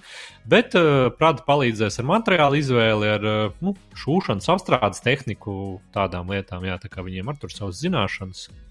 Viņi līdz šim sadarbojušies, es saprotu, ar kaut kādu kā, burāšanas komandu, piemēram, kaut kādu profesionālo. Nu, kā, kaut kāda zināšanas ir jā, nevis tikai dārgi pārdot, bet uh, arī kaut kāda kvalitāte. Tiešām nodrošināt atbilstošo. Jā, labi. Ja moda mums vairāk interesē, tad mēs varētu par to vairāk runāt. Ah, un tad par to pornogrāfiju. nu, jā, tur vairāk īstenībā tāda. Kas ar to, jū, kas ar to YouTube? Tas tavs, tavs, jā, lauciņš. Ne YouTube. Bet izrādās, jā, ka YouTube esot speciāla grupa. YouTube esot speciāla grupa. Vai vispār cilvēki ir mērķi, kas grib ielādēt hardcore pornogrāfiju. Bet hardcore tieši nu, tādu smago, nopietnu. Nevis light un softcore. Uh, un, attiecīgi, viņi ir atraduši bāgu, nu, vispār tā kā žurnālisti to reportēja, kad esot atrasts bags, kā var augšuplādēt uh, porno video. Jo, protams, nu, vislielākie sociālajie tīkli iebilst par to, bet, nu, kā mēs zinām, Twitterī, jeb X. Laikam tas ir pofiks, jo nu, tur metās viss ārā ar botiem un īstiem kontiem, neīstiem. Uh, un viņi bija atraduši, nu, laikam tā iespēja saistīta ar tagiem, kad liekot dažādas simbolus, ja es tā pareizi sapratu, arī, ka viņš it kā to video principā neatpazīst. Viņš neredz, ka viņam ir title, nosaukums, garums, nekā nav laika. Un sanāk, ka tas video var augšuplādēt, bet viņi laikam nevar tā kā atrast vairāk pēc tam YouTube. Līdz ar to to var izdarīt. Protams, nu, Google gan bija atklājusi, bija veikuši kaut kādu dzēšanu, bet esot daļa video, jā, kas vienkārši tikai pēc linka atrodam un izdzēšam. Jā, tā kā šī hacker grupa ir panākusi savu rezultātu, un viņiem pat ir Discord grupa vesela. Tā kā nu, cilvēkiem mērķis ir. Ja grib, tad visu var sasniegt. Tā ir uh, stāsta morāla. Ja kāds kaut kur uzdurās, tad uh, var rakstīt. Kristaps jau grib beigt šo pārēju, lai veiktu padziļinātu izpēti. Konkrētā jautājumā. Nu, bet tā kā YouTube ir ļoti daudz video, tad es nezinu, tur ir arī. Darbs saka, nedēļai. Darbs jābūt nedēļai. laimīgam. Jā. Manuāls darbs. Jā, jā, jā. Vēl, man liekas, no tādām labām lietām bija ziņa, ko es manīju, ka tā tad Bitvārdens, tas ir tas kursorā iecienītākais paraļu menedžeris. Anci to arī lieto? Jep. Cool. Bet tur bija runa, manuprāt, par tiem paskījiem. Paskīs. Mm, tā tad tā, tā ziņa, ko es pamanīju, bija tāda, ka tagad TFA, tāda to kodu ģenerēšanu un rādīšanu, tagad tā feature ir pieejama arī bezmaksas servisu lietu, nu, lietotājiem, jo, kā izrādās, tas tikai bija tiem premium pakalpojumu lietotājiem, kāds es esmu, man liekas, jau no paša sākuma. Tur kaut kāda maza, maza maksa bija, kaut 10 eiro gadā vai kaut kas tamlīdzīgs, ja nemaldos. Un, un man tā feature bija pieejama, un es biju super priecīgs, ka man nav atkal nostatus uh, Google Authentificators vai Alfī vai kas tur, uh, kas varēja sabāzt nu, tos kodiņus klāt.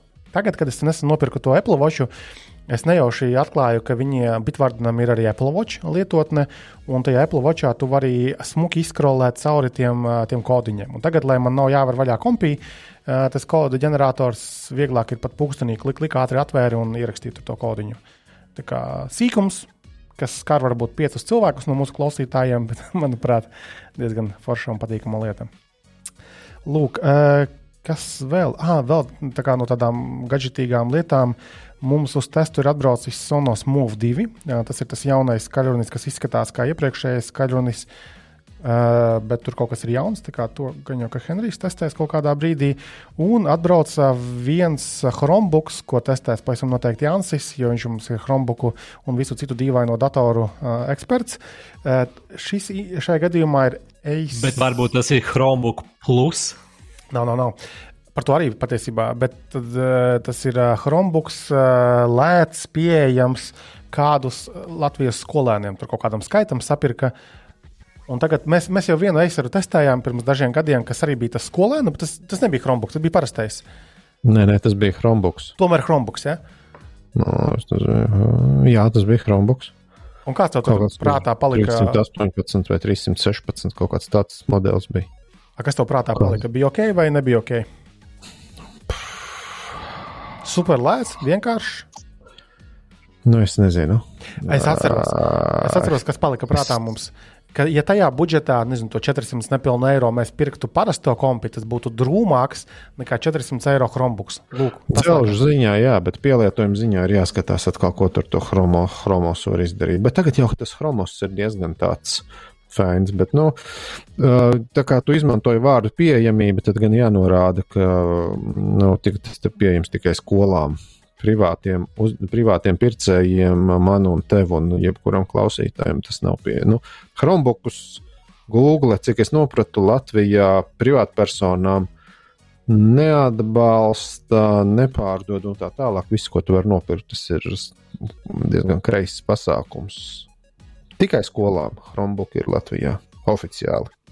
Jep, jep, jep. Bet, jebkurā gadījumā, mm, būs apskats. Eh, kurā mēs mēģināsim saprast, ko tad ir nopirkuši Latvijā izglītības zinātnes ministrija un ko tad uh, lieto uh, skolēni. Es to kompi atpakoju, paskatījos, tas ir maza izmēra datoriņš, cik tur colas viņam kaut kādas maza. Mm, Atkal nesaņēmi. Vakar nē, nē, man, man nav atnācis vēl. Ne. Jā, ok, tad drīzumā tas, tas, tas mums būs uh, gaisā. Ah, vēl no lietām interesantām. Uh, tā tad es notestēju automātisko automazgātavu. Tātad uh, to, kas ir um, pagaidām, viņa tur mežciemā slēdz drēliņos, netālu no Ikea uzbūvēta. Un, un kāpēc tas ir kā tehnoloģiju podkāstā interesanta, interesanta lieta? Pirmkārt, jau man liekas, ka tāda mm, konvejera piedziņas, ne konvejera lentas piedziņas, šīs tuneļveida mazgātavas vispār Latvijā nav baigi izplatītas. Ir tur tās laser wash un, un vēl kaut kādas.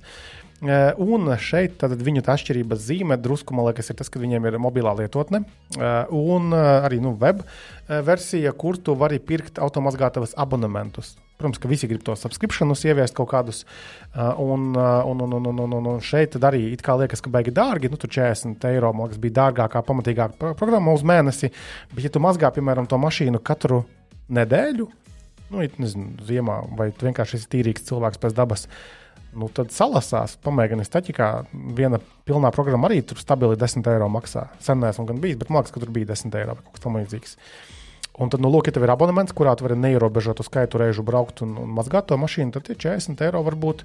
It īpaši ziemas periodā, kad mēs gribētu tomēr tos sāļus noskalot nost, man liekas, diezgan adekvāti. Tur, protams, ir jāņem vērā norādījumi. Es arī tā kā tur tik ātri viss notiek, ka es neizlasīju, iebraucot tajā tunelī, ka vajag ieslēgt neitrālajā pārnesumā to mašīnu. Nu, es smuki slīdu pa to lentu, tur, tur ap, ap, ap, apmazgā, apskalo, un tad pašā beigās tā, kā, tā lenta mēģina nomest nost, un man mašīna ir tajā pārkinga režīmā. Un es jūtu, ka mani grūž nost, bet mašīna nebrauc uz priekšu. Un tad es redzu, ka pogulī, kas skrien klāt, tas apkopojošais personāls vicinās kaut ko, saka, laikam, nu, ieslēdz drāvā vai neitrālajā. Tagad nākamajā reizē jau bija gudrāks nesalauzu pārnesumu kārbu, tā kā viss kārtībā. Bet viņiem ir arī paklājiņa mazgāšanas vērķi tur tālāk. Tā ir stela. Paklājiņas mazgāt nevienam mums nepatīk pareizi. Tev patīk, Ansi? Es, es neizteikšos par šīm mašīnu tīrības problēmām. Okay, man man, man cita, citādāk mājās būs problēmas. Jo tad, kad sieva ar bērniem iz... es, es, ne, es neiedzināšu šajā problēmā. Tā tas skaidrs, sapratām. Vienkārši pievēr acis un pieņem, uh, problēma, pie, pieņem dzīvi, kāda tā ir. Lūk, tad visdrīzāk tuvākajā laikā būs kursorā arī tas atziņu raksts uh, par, par to mazgātavu. Ah, vienīgais numurzīmes lūdzu piestipriniet normāli. Es atbraucu mājās, staigāju riņķī, oi, cik smuka tīra mašīna, paskatos no purna, mm, kaut kā pietrūkst. Ah, numurzīme bija palikusi tur, uh, braucu pakaļ, pēc tam atradu. Tā kā pie, pie, pie, piestipriniet normāli šīs numurzīmes pie mašīnas. Lūk, un noslēgumā vēl nav podkāsts mums pārāk garš. Spotify sāk piedāvāt audio grāmatas. Pagaidām gan laikam vēl ne Latvijā, vai bija Latvijā? Nebija mākslinieks Latvijā.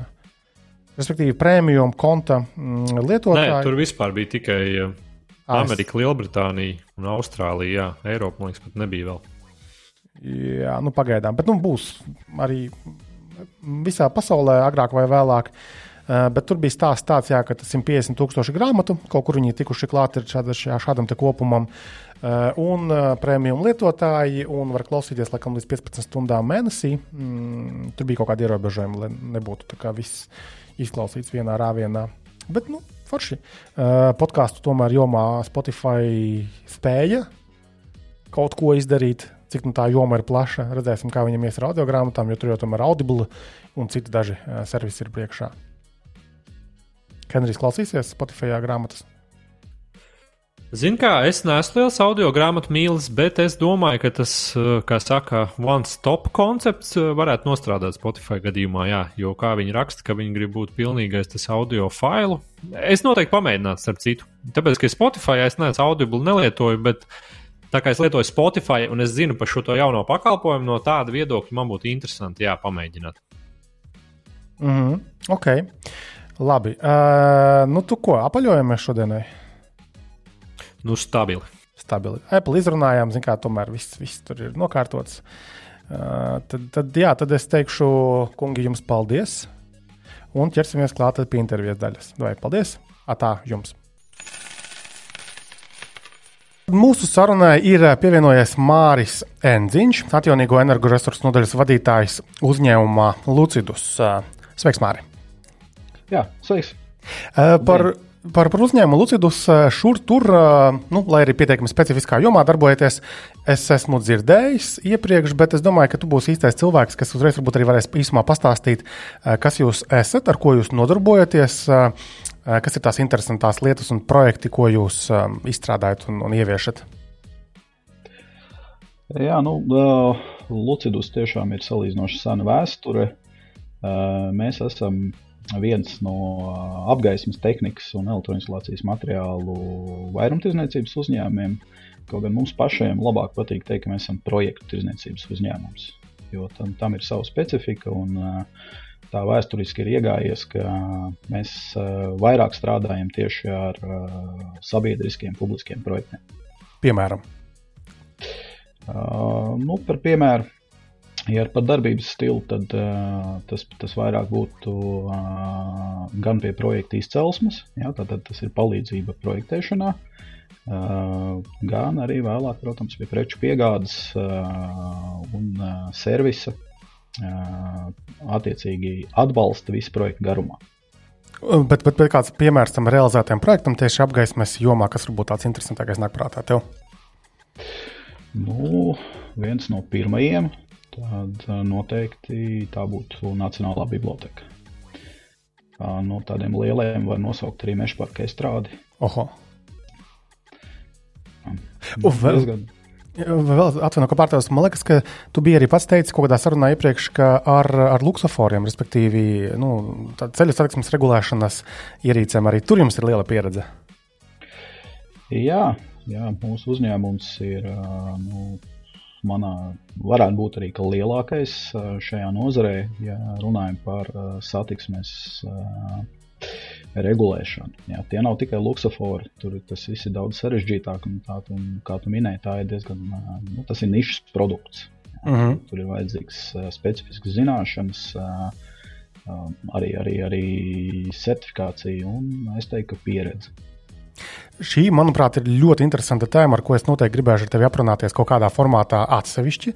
Bet šodien mēs vairāk parunāsim par tātad atjaunīgajiem energoresursiem un konkrēti tātad vienu zīmolu, ko jūs sākat pārstāvēt Keho un akumulātoru tātad nu, enerģijas uzkrāšanas sistēmām. Bet, nu, protams, pirms mēs vēl tiekam līdz tam, tad tavs amats ir atjaunīgo energoresursu nodaļas vadītājs. Labi, Jā. kurā momentā tad Lucidus saprata, ka ir jāskatās plašāk, tālāk pār nu, teiksim, tevis iepriekš minētajām šīm apgaismas sistēmām, un uh, kāds ir jūsu skatījums vispār šiem atjaunojumiem energoresursiem, un vai tas ir tikai saules uh, enerģija vai plašāk tomēr? Uh, tas ir plašāk, jau nodaļas nosaukums to vēstē, ja, kad ir nevis saules enerģijas nodaļa, bet atjaunīgo resursu. Jo, jā, nu, tie, tie ir ne tikai saule jā, un, un, un vējš, jā, tur, tur, tur ir vēl citi. Bet, uh, kurā brīdī nu, uh, pirmos, uh, pirmās apmācības izgāja piecus gadus atpakaļ?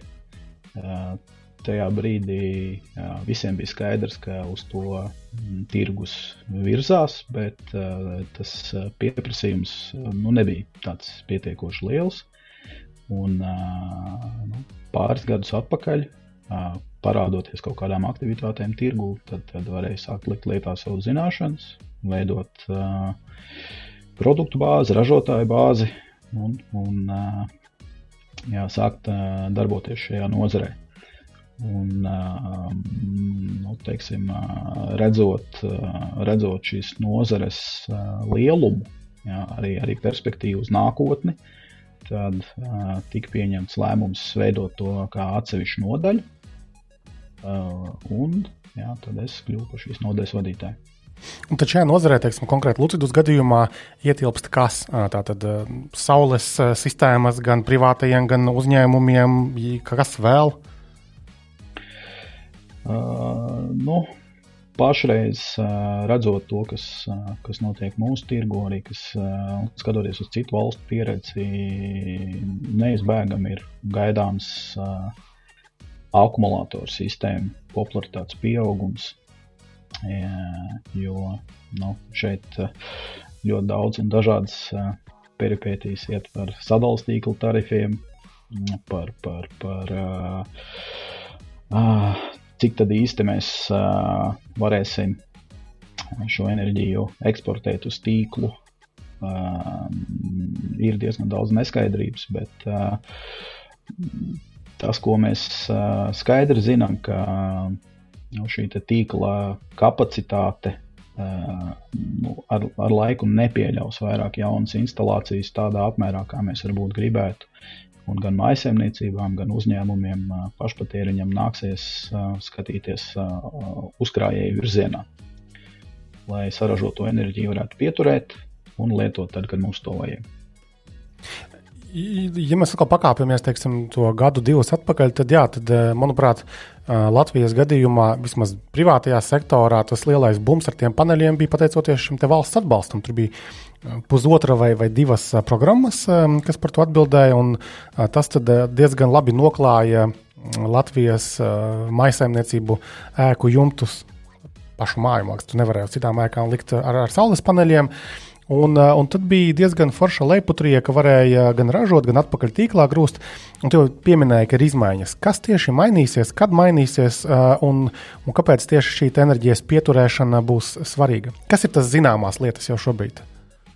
Uh, nu, šobrīd ir zināms, ka ja mēs uzstādām, runa ir par privātu mājām, ja mēs uzstādām Jā. sistēmu šogad, tad mēs uh, vēl piedalāmies uh, norēķinu sistēmā, kur uh, tā vienkāršāk sakot, būtu kilovatstunda pret kilovatstundu. Ja, Tātad mēs uh, saražoto, pār, vasarā pārražoto enerģiju mēs nododam tīklā, un uh, ziemā, kad uh, saules sistēma uh, ražo ļoti maz vai neražo vispār, tad mēs uh, paņemam šīs kilovatstundas atpakaļ. Uh, turpmāk tas tā nebūs.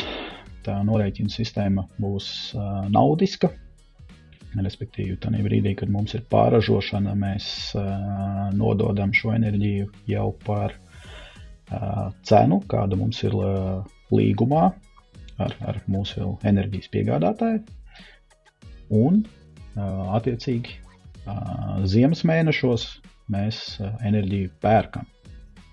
Pa kādu cenu? Tātad, pa tirgus cenu. At, attiecīgi, skaidrs, ka visticamāk pārdosim mēs lētāk un pirksim dārgāk. Tāpēc pašreizējā sistēma kilovatstundu pret kilovatstundu maisaimniecībai ir izdevīgāka. Ja nemaldos, tad uh, līdz 29. gada februārim būs uh, tiem, kas vēl šogad paspēs uh, nodot eksploatācijā savus uh, privātos parkus, maisaimniecībām. Ja, tad, tad, uh, Šāda norēķina sistēma būs līdz 29. gada februārim. Bet, bet kāds ir tas racionālais pamatojums šai izmaiņai? Tagad, nu, ja mēs atmetam, tur, nezinu, tur valdība ir slikta, visi ir krāpnieki. Kas ir tāds loģiskais, varbūt skaidrojums, kāpēc šobrīd ir šāda izmaiņa? Nu, tehniski izsakoties, šo enerģiju, ko mēs saražojam vasarā, mēs ražojam brīdī, kad šīs lētās enerģijas ir pāri pārēm. Jo tajā brīdī ražo lielie saules parki, ražo salīdzinoši, nu, teiksim, Hesse ir vaļā, jā, tad uh, enerģijas ir daudz. Un, uh, nu, atkarībā no sadalījuma tīkla specifikas, nu, kāda kurā vietā ir infrastruktūra, viņu nevienmēr var uh, paņemt pretī. Un, uh, protams, ka arī cena šādai enerģijai ir ļoti lēta. Jo uh, nav jau tā, ka to enerģiju, ko teiksim, mēs savā sistēmā saražojam, ja mēs viņu nododam tīklā, tad nu, viņi jau tur neglabājas. Tā enerģija vienkārši tiek pārvadīta uz citiem patērētājiem. Tā tad, lai gan vieglāk varbūt ir uztvert sadalījuma tīklu kā akumulātoru, tas tā gluži nav. Mm. Un uh, skaidrs, ka nu, šāds, uh, šāds modelis uh, ir, ir uh, izdevīgs tikai lai iekustinātu tirgu un lai motivētu maisaimniecības uh, aktīvāk uh, likt šos saules parkus. Un tas ir izdevies, Bet, tas ir izdevies jo nu, ir liels skaits ar tiem paneļiem parādījies. Jā, jā, jā.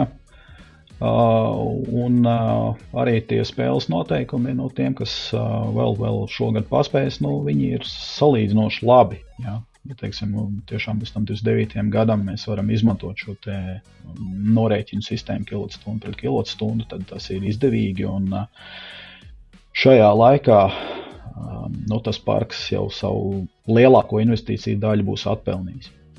Ok, labi. Um, Tad vēl tāds jautājums. Um, valsts atbalsts uh, attiecas uz uh, tātad paneļiem, uh, inventoriem, invertoriem, bet vai uz akumulatoriem tas attiecas? Vai tas ir ārpus vēl pagaidām? Pagaidām tas nav iekļauts. Ir kaut kādas runas, ka varētu to iekļaut. Uh, nu, jā, jāsaka, mēs varam pavērot citu valstu pieredzi. Tad, uh, tas visticamāk pāries arī uz uzkrājēju sistēmām. Jo, nu, kā jau teicu, šo enerģiju kaut kur ir jāglabā. Un, nu, šādas akumulātoru sistēmas tieši maisaimniecībām diezgan aktīvi tiek subsidētas, piemēram, Vācijā, uh mhm. -huh. kur, kur, kur ir līdzīga problēma ar, ar kaut kādu pārražošanu, jo, jo arī vasarā, ja mēs skatāmies uh, uz šo uh, ražošanas dinamiku, nu tad uh, būtībā sistēma ražo, kad, tad, kad visvairāk spīd saule. Un uh, tipiskā maisaimniecībā iespējams, ka tad ir viszemākais patēriņš, jo visi gluži vienkārši ir darbā. Jā, un darbojas tikai kaut kādas ierīces, no kurām ir visu laiku jābūt pieslēgtām. No, attiecīgi mēs, mēs ļoti daudz ražojam, uh, bet ļoti maz tērējam. Un, ja ir iespēja šo enerģiju nevis uh, stumt jau tā pārpilnā tīklā, nosacīt, izsakoties, bet uzglabāt, ja, tad uh, tas uh, uh, pirmkārt dod iespēju uh, pašam uh, šo enerģiju notērēt uh, teiksim, vakara stundās, kad iespējams pirkt no tīkla būtu dārgāk. Ja, jo vakar stundās šī ražošana ir uh, mazāka. Bet patēriņš lielāks. Bet patēriņš lielāks. Tieši tā. Nu, un, uh, arī, arī, arī no, no tīkla noslodzes uh, aspekta tas, tas uh, būtu labāk. Jo mēs nedodam uh, šīs kilovatstundas tīklā, bet mēs viņus uzkrājam. Mm -hmm. Ok, tad man liekas, ka uzreiz ir jāsaprot, varbūt tiem, kas ir tehniski mazāk piedomāt par šīm lietām, tad skaidrs, ka mēs nevaram uh, jēgpilni uzstādīt tādu akumulātoru sistēmu, kas ļaus mums izmantot vasarā uzkrāto enerģiju ziemā, bet tas, ko tu pats arī minēji, ka, teiksim, pa dienu smuki saražojas, tad, kad ir pārāk lēti, lai dotu atpakaļ tīklā, vai arī, ka tīklā, teiksim, nav nepieciešama pēc šīs enerģijas, mēs varam pieturēt līdz tam pašam vakaram, respektīvi tādā, nu, diennakts ciklā mēs varam operēt. Uh, ar, ar šiem akumulatoriem. Ja? Um, tagad tālāk, tā, okay, tad pagaidām uh, akumulātoru sistēmām pašām valsts atbalsta nav, bet ir tām pārējām lietām. Un te man liekas, ir svarīgais punkts tāds, ka paneļi jau nemainās, ir tie akumulatori vai nav, bet ir nianse svarīga, lai būtu pareizais invertors. Ja? Tad tie, tie ir tie tā saucamie hibrīdi invertori. Ja? Kas tas ir Jā, un, un, un, un kā, kā ir jāskatās? Ja mēs plānojam, varbūt ne tagad, varbūt teiksim, ar skatu nākotnē, nezinu, pēc gada, diviem, kad sakrāsim šo naudu, kādu mums ir pareizo inventoru jānopērk un uh, kam ir jāpievērš uzmanība tieši uzsākot būvēt šo sistēmu? Uh, jā, ļoti pareizi teici. Pašreiz viens no, no populārākajiem risinājumiem cilvēkiem, kas uh, gribētu likt nākotnē uh, akumulātoru sistēmas, uh, tad būtu nopirkt hibrīdu invertoru. Uh, tur gan jāskatās uh, arī tehnisks nianses, jo, jo viņi arī savā starpā atšķirās. Ir, ir gadījumi, kad uh, invertors, kuram var tehniski pieslēgt uh, akumulātoru, tiek uzdots par hibrīdu, bet tas tā nav. Uh, nu, tehniski varbūt ļoti detaļās neiesim, bet uh, nu, ir, ir uh, tieši hibrīds arī jāprasa Un uh, varbūt uh, vajadzētu pakonsultēties arī ar kādu speciālistu pirms iegādes, jo arī uh, šīs bateriju sistēmas, ko pēc tam varēs pieslēgt pie šī hibrīda invertora, jāskatās uz, uz, uz, uz uh, nu, galvenokārt uz spriegumu, jau uzlādes, bet uh, nu, ir tehnisks nianses, tāpēc uh, viņu vajadzētu izvēlēties pareizi. Bet jā, tā ir, tā ir ļoti laba iespēja jo invertors paliek invertors. Tam vēl joprojām ir valsts atbalsts. Ja, tātad, ja mēs, Arī hibrīdiem. Jā, jā, jā, ja mēs pašreiz investējam, nu, hibrīda invertori ir dārgāk par parastajiem. Tā, cik dārgāk? Cik dārgāk? Nu, tā liela starpība vai nav? Tā starpība var sasniegt 1000 eiro. Jā, tātad, uh, bet uh, nu, daļa no šīs starpības šā vai tā mums sniedz valsts atbalsts. Un, mēs nākotnē esam nu, neatkarīgāki. Mēs varam kaut kādā brīdī nu, vai nu sakrāt naudu, vai sagaidīt šo atbalstu akumulātoru sistēmām. Bet mēs esam droši, ka mēs varēsim pieslēgt. Mm -hmm. un, un, Te, man liekas, tāds, tāds liekas, jautājums ir. Um, Tas, ko varbūt daudzi vēl nav aizdomājušies, tie, kas varbūt vēl nav ieviesuši šīs sistēmas, saules enerģijas, ja mums nav hibrīda invertors, Un, ja mums tīklā, nu, sadalījuma tīkla pusē pazūd strāva, ja, nu, ja elektrības pieslēgums, tad mums nebūs iespējas izmantot šo elektrību arī no tā, kas saules paneļa. Tad ir tāda absurda situācija, kaut kādā mērā spīd saule, viss smuki ražojas, bet mēs šo nevaram izmantot. Un šo kaut kādā mērā var izsākt ar to, ar to akumulātoru sistēmu un hibrīdu invertoru, ka mēs arī, teiksim, sadalījuma tīklā avārijas gadījumā kaut kādas varam darbināt enerģiju, kas mums ir uzkrāta. Tā tas darbojas pareizi.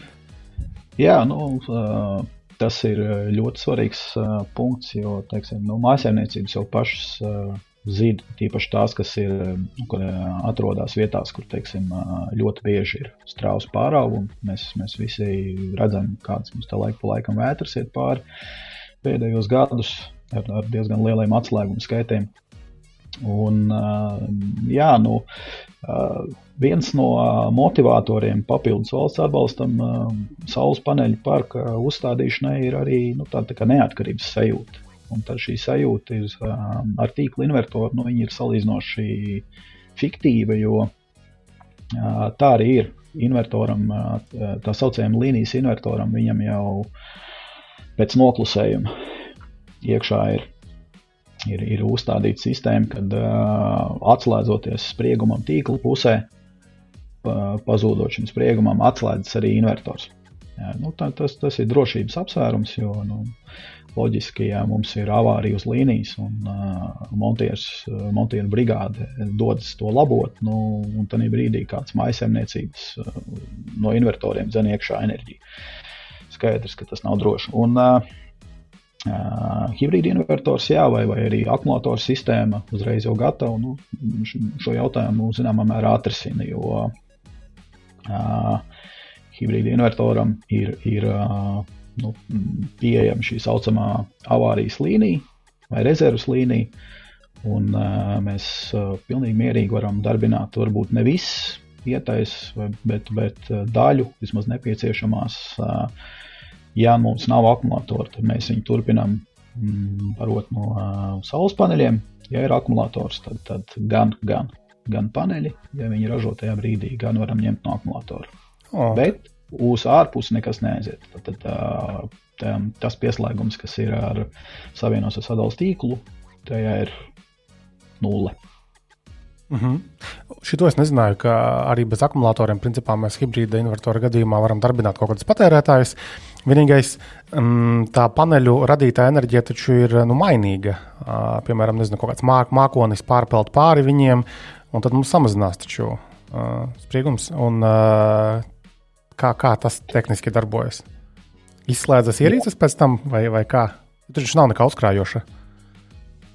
Jā, protams, nu, skaidrs, ka jā, nu, tīri, tīri tehniski tajā brīdī mums nav šie akumulatori. Jā, tad mēs uh, pilnīgi un absolūti esam atkarīgi tikai no tā, nu, kā, kāda laika apstākļi ir ārā. Jā. Tāpēc uh, nu, prātīgi būtu varbūt uh, nu, teiksim, kaut vai nelielu akumulātoru sistēmu, bet, bet uh, uzlikt un uh, Uh, šeit tu iepriekš jautāji par, par, par uh, ražotāju, ar ko mēs esam kā, mm, noslēguši sadarbības līgumu. Tad, uh, kā reiz viņa akumulātoru sistēma, viņu, viņu, viņu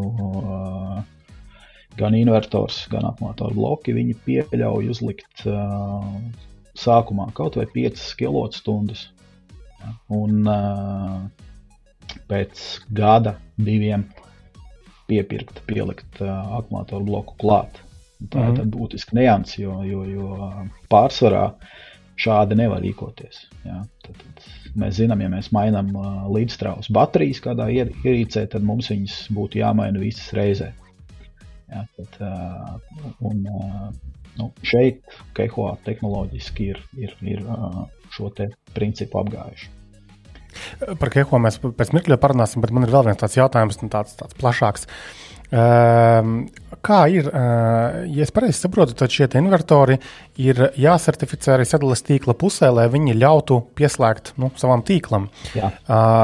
Tas process ir kā sakārtots. Kā, nu, tu vari izvēlēties tos invertorus, kas ir kaut kādā sarakstā, vai, piemēram, ja tev parādās kaut kāds jauns zīmols, jauns invertors, ko tu esi dabūjis varbūt kaut kādos citos veidos, vai tu vari dabūt viņu, lai viņš taptu nosertificēts. Jā, Uh, nekā tāda ļoti sarežģīta tajā nav. Uh, skaidrs, ka nu, teiksim, tādi lieli zīmoli šajā sarakstā ir jau salīdzinoši sen. Taču es iesaku tev pašam, varbūt intereses pēc kādreiz atveru un papētīt. Tur, tur viņi ir simtiem jau. Uh mhm. -huh. jā, tad, Un, uh, tas process ir tāds, ka, ja ir kāds importētājs, tad lielākoties izdara, to, to izdara šis uzņēmums, kas importē produkciju. Uh, bet, ja nu, gadījumā pēc uh, nu, nu, pats, pats gala lietotājs ir nopircis kādu eksotiskāku iekārtu, kaut kur ārzemju internetu veikalā, arī tā nav liela problēma. Ir nepieciešams uh, nu, šim invertoram, protams, ir jābūt atbilstības deklarācijai, viņam ir jābūt tehniskai pasai. Un šīs lietas noteikti sadales tīkls paprasīs. Jā. Bet nav jāved viņiem pašiem tā ierīce, viņiem pietiks ar dokumentāciju tikai. Uh, ja, ja šis invertors nav sadalījums tīkla sarakstā, tad ir jāvada. Aha. Ir slēdz klāt kaut kur un arī, arī testē. Augšuplādē, jā, augšuplādē visu nepieciešamo tehnisko informāciju. Uh, Sadalījuma tīkla mājaslapā to, to diezgan labi var redzēt. Viņi ir uh, salīdzinoši ērti izveidot un uh, tur, tur, tur uh, nu, varbūt tās pašā startā varbūt kādam bija grūtāk, bet pašreiz to, to tiešām ērti var izdarīt. Arī tad, ja invertors nav sarakstā. Uh, nu, kas gan ir svarīgi, ja, tad uh, tīpaši pērkot kaut kādos trešo valstu internetu veikalos, ja, tad uh, ir svarīgi ir uh, lai būtu šī Eiropas certifikācija. Un, protams, ir jābūt labi saprotamai tehniskai nu, pasai vai, vai, vai instrukcijai. Uh mhm. -huh. ja, jo to gan pārbaudīs. Uh -huh. okay, un varbūt tāds muļķīgs jautājums. Sadales tīklam taču nav nekādas intereses un, un, un, un, un, un, un interesi, nu, do, domu par, to, par tiem akumulatoriem, tas, kas ir iekšā mājasemniecības tīklā. Viņiem ir svarīgs tas pieslēguma ierīce viņu tīklam. Un bateriju, bateriju sistēmas nekur nav jācertificē. Uh, pašreiz nav. Iespējams, ka, iespējams, ka arī tas būs jādara. Ja, jo parādoties pietiekoši lielam iekārtu skaitam, iespējams, ka arī sadalījuma tīkls uh, uzrakstīs kaut kādas uh, nu, teiksim, tehniskās prasības, tehniskos noteikumus priekš akumulātoru sistēmai. Okay. Uh, pašreiz nav un nu, īsti. Jā, nu, akumulātoru sistēmu jau mēs izmantojam pašpatēriņu. Attiecīgi, mēs paši ražojam, paši krājam un paši lietojam. Nu,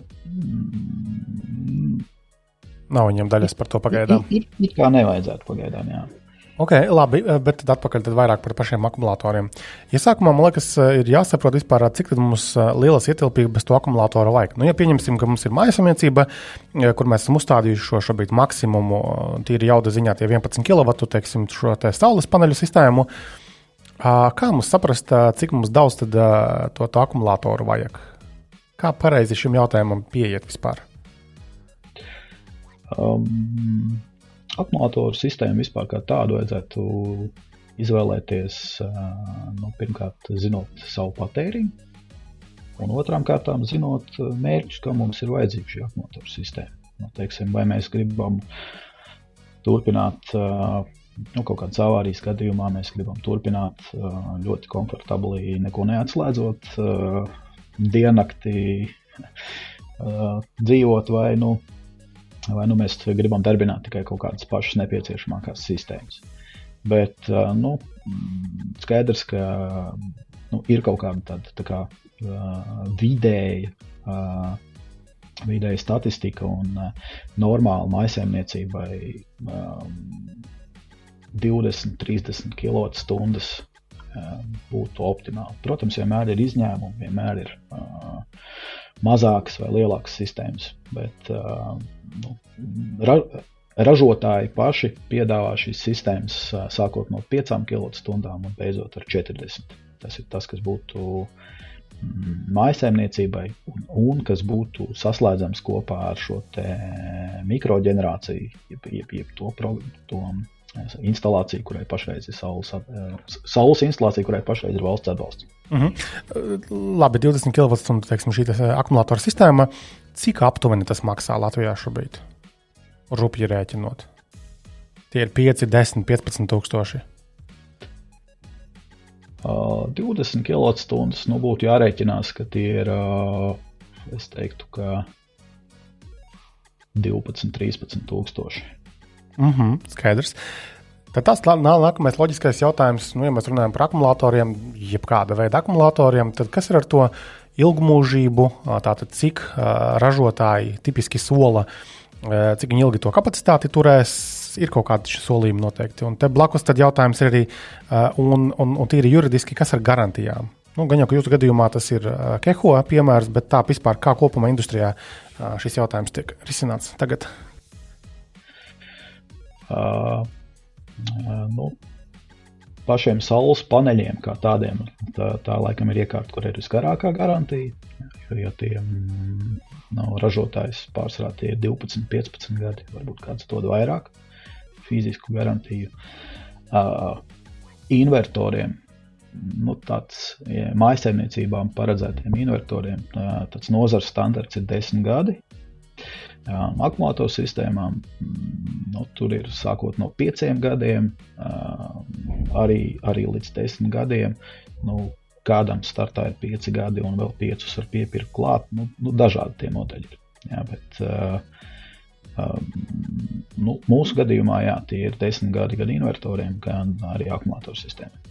Mm -hmm. nu, protams, tam liekas, ir jāpiezīmē, ka nu, teiksim, akumulatoriem atkal, jebkāda veida akumulatoriem, tas ilgmūžīgums lielā mērā ir atkarīgs no tā, kā tie tiek eksploatēti. Ja tu, teiksim, nedēļas laikā vienreiz uzlādēji, vienreiz izlādēji, nu, tad tas cikls ir nu, mazāks skaits nekā, ja tu visu laiku kaut ko tur mauc uh, un nolieto viņus ātrāk. Tas pats telefoniem, tas pats mašīnām, tas pats arī, arī šādām sistēmām. Jā, taču nu, jāsaka, nu, šie te, uh, modernās akumulātoru sistēmas, viņas tomēr ir, ir, ir uh, paredzētas lietot. Jā, tā tad uh, nu, nav jābaidās, ka uh, mums kaut kāds varbūt biežāks uh, uzlādes, izlādes ciklu skaits viņu šausmīgi sabojās. Ne? Viņi, viņi ir domāti daudz reižu uzlādēt, izlādēt. Un, uh, Uh, jā, tie, tie tevis minētie visi, visi aspekti, protams, ka sistēma ir, ir nu, jāuzstāda atbilstoši instrukcijai. Nu, tad, jo, jo šeit arī nu, tas, tas uh, dzēsēšanas uh, veids, kādā veidā šo akumulātoru bloku dzēsē, nu, viņš dažādiem ražotājiem ir atšķirīgs. Jā, tāpēc būtu svarīgi, nu, ja mēs uh, salīdzinājumam var, varētu minēt leduskapi, jā, tad leduskapim mēs izlasām instrukcijā, ka mēs viņu, teiksim, stūrī likt nevaram. Jā, un, un, un, eh, ja leduskapim ir, ir eh, karstuma novada uz sāniem, nu skaidrs, ka ieliekot stūrī, mēs viņu zināmā mērā bojājam. Jā, nu, šeit ir līdzīgi ar akumulātoru sistēmām. Ir, ir, ir jālasa, kā viņi var novietot, vai, vai ir, ir pieļaujama likšana tieši pie sienas. Jā, vai, vai, vai, vai mēs drīkstam viņu iestumt stūrī, vai tomēr mums no visām pusēm vajag atstāt kaut kādu ventilācijas jā, spraugu. Uh, bet uzstādot atbilstoši instrukcijai, nu, nu, šīs sistēmas uh, kalpo nu, litija, litija akumulātoru. Tāds kalpošanas normāls mūžs ir 15 gadi. Uh -huh. Jā, 15. Cik daudz vietas aizņem? Teiksim, nu, tas pats mūsu iepriekšējā piemērā, tas 20 kWh teiksim, akumulātoru sistēma, tas ir liela kaste, maza kaste. Kā viņi izskatās vizuāli, Keho gadījumā, piemēram? Nu, jā, nu šeit, šeit arī ir, ir uh, daudz tehniski risinājumu. Jā, tā, Uh, nu, teiksim, ir ir, ir uh, sistēmas, kas uh, nu, tautas valodā nu, sakot, varētu izskatīties tā tāds plakans pankūks, kurus mēs krāmējam šos akumulātoru blokus vienotram virsū. Uh, un mēs dabūjam iekārtu, kas, kas, kas, kas it kā ir, ir neliela, bet tāpat laikā nu, viņi tīri kvadrātmetros uz zemes aizņem vietu. Ja. Keiko gadījumā nu, tas, ir, tas ir nedaudz savādāk. Viņam šie akumulātoru bloki ir paredzēti stiprināšanai pie sienas. Mm. Tad, tad šeit es varbūt uzreiz arī atbildēju uz jautājumu, ka nu, nav jābaidās viņu piestumt pie sienas, taisnība otrādi. Uh, un uh, viņas uh, nu, ir, ir, ir uh, rēķinātas, lai pēc iespējas mazāku vietu telpā aizņemtu. Tātad, ja mēs esam atraduši vietu pie sienas, tad mēs vienkārši ejam pa šo sienu uz augšu. Ja? Un, un, un, un, un pārējā telpā mēs, uh, kā saka, nelienam iekšā. Uh -huh. okay. Labi. Um, uzstādīt šos sistēmas, nu, atkal Keho gadījumā, var pats gala lietotājs, vai tomēr ir jāpiesaista kaut kāds nezinu, elektriķis, vai, vai cik, cik sarežģīti vispār ir uzstādīt šo visu un saslēgt kopā un, un, un palaist darbībā? Es noteikti ieteiktu tomēr uh, izmantot profesionāļu pakalpojums. Jā, var, var izdarīt arī pats. Es, es, es arī pats esmu slēgājis, mēģinājis un, un, un eksperimentējis. Ja? Nu, Beigu galā jau to var izdarīt, ja? bet es pieļauju, domu, ka profesionāls to izdarīs daudz ātrāk. Un, nu, kā, kā, kā jebkura lieta, ja? nu, Uh, šī ir iekārta, kas, kas ir saistīta ar elektrības uh, uh, ražošanu, uzkrāšanu. Nu, nu, nevajadzētu, nevajadzētu pašiem ļoti eksperimentēt. Un, un, un, un galu galā, ja, ja šī sistēma darbosies kopā ar invertoru, kurš ir jāreģistrē sadalījuma tīklā, tad nu, labāk, lai to visu izdara meistars. Ok, nu, paši sačakarēsim kaut ko, un tad uh, paši būsim vainīgi. Uh, labi, un tad vēl tāds jautājums, nu, tagad mūsdienās visiem gribās uh, mobilās lietotnēs vai, vai no kādiem tīmekļa portāliem redzēt situāciju jā, ar to enerģijas ražošanu. Un tepat sastīklos ir redzēti arī pietiekami daudz ekrāna šāviņi no šīm sistēmām, kā viņam smuki tur ražo šie paneļi. Vai Keho gadījumā Mm, ir kaut kāds monitoringa rīks pieejams gan invertora pusē, gan, eh, gan baterijām, vai tur, tur viss smuki savā starpā Jā. darbojas? Kā tas izskatās? Jā, mm, absolūti tāpat kā jebkurai modernai iekārtai. Tad mēs uh, visu varam smuki redzēt un, un arī mainīt iestatījumus uh, telefonā, aplikācijā.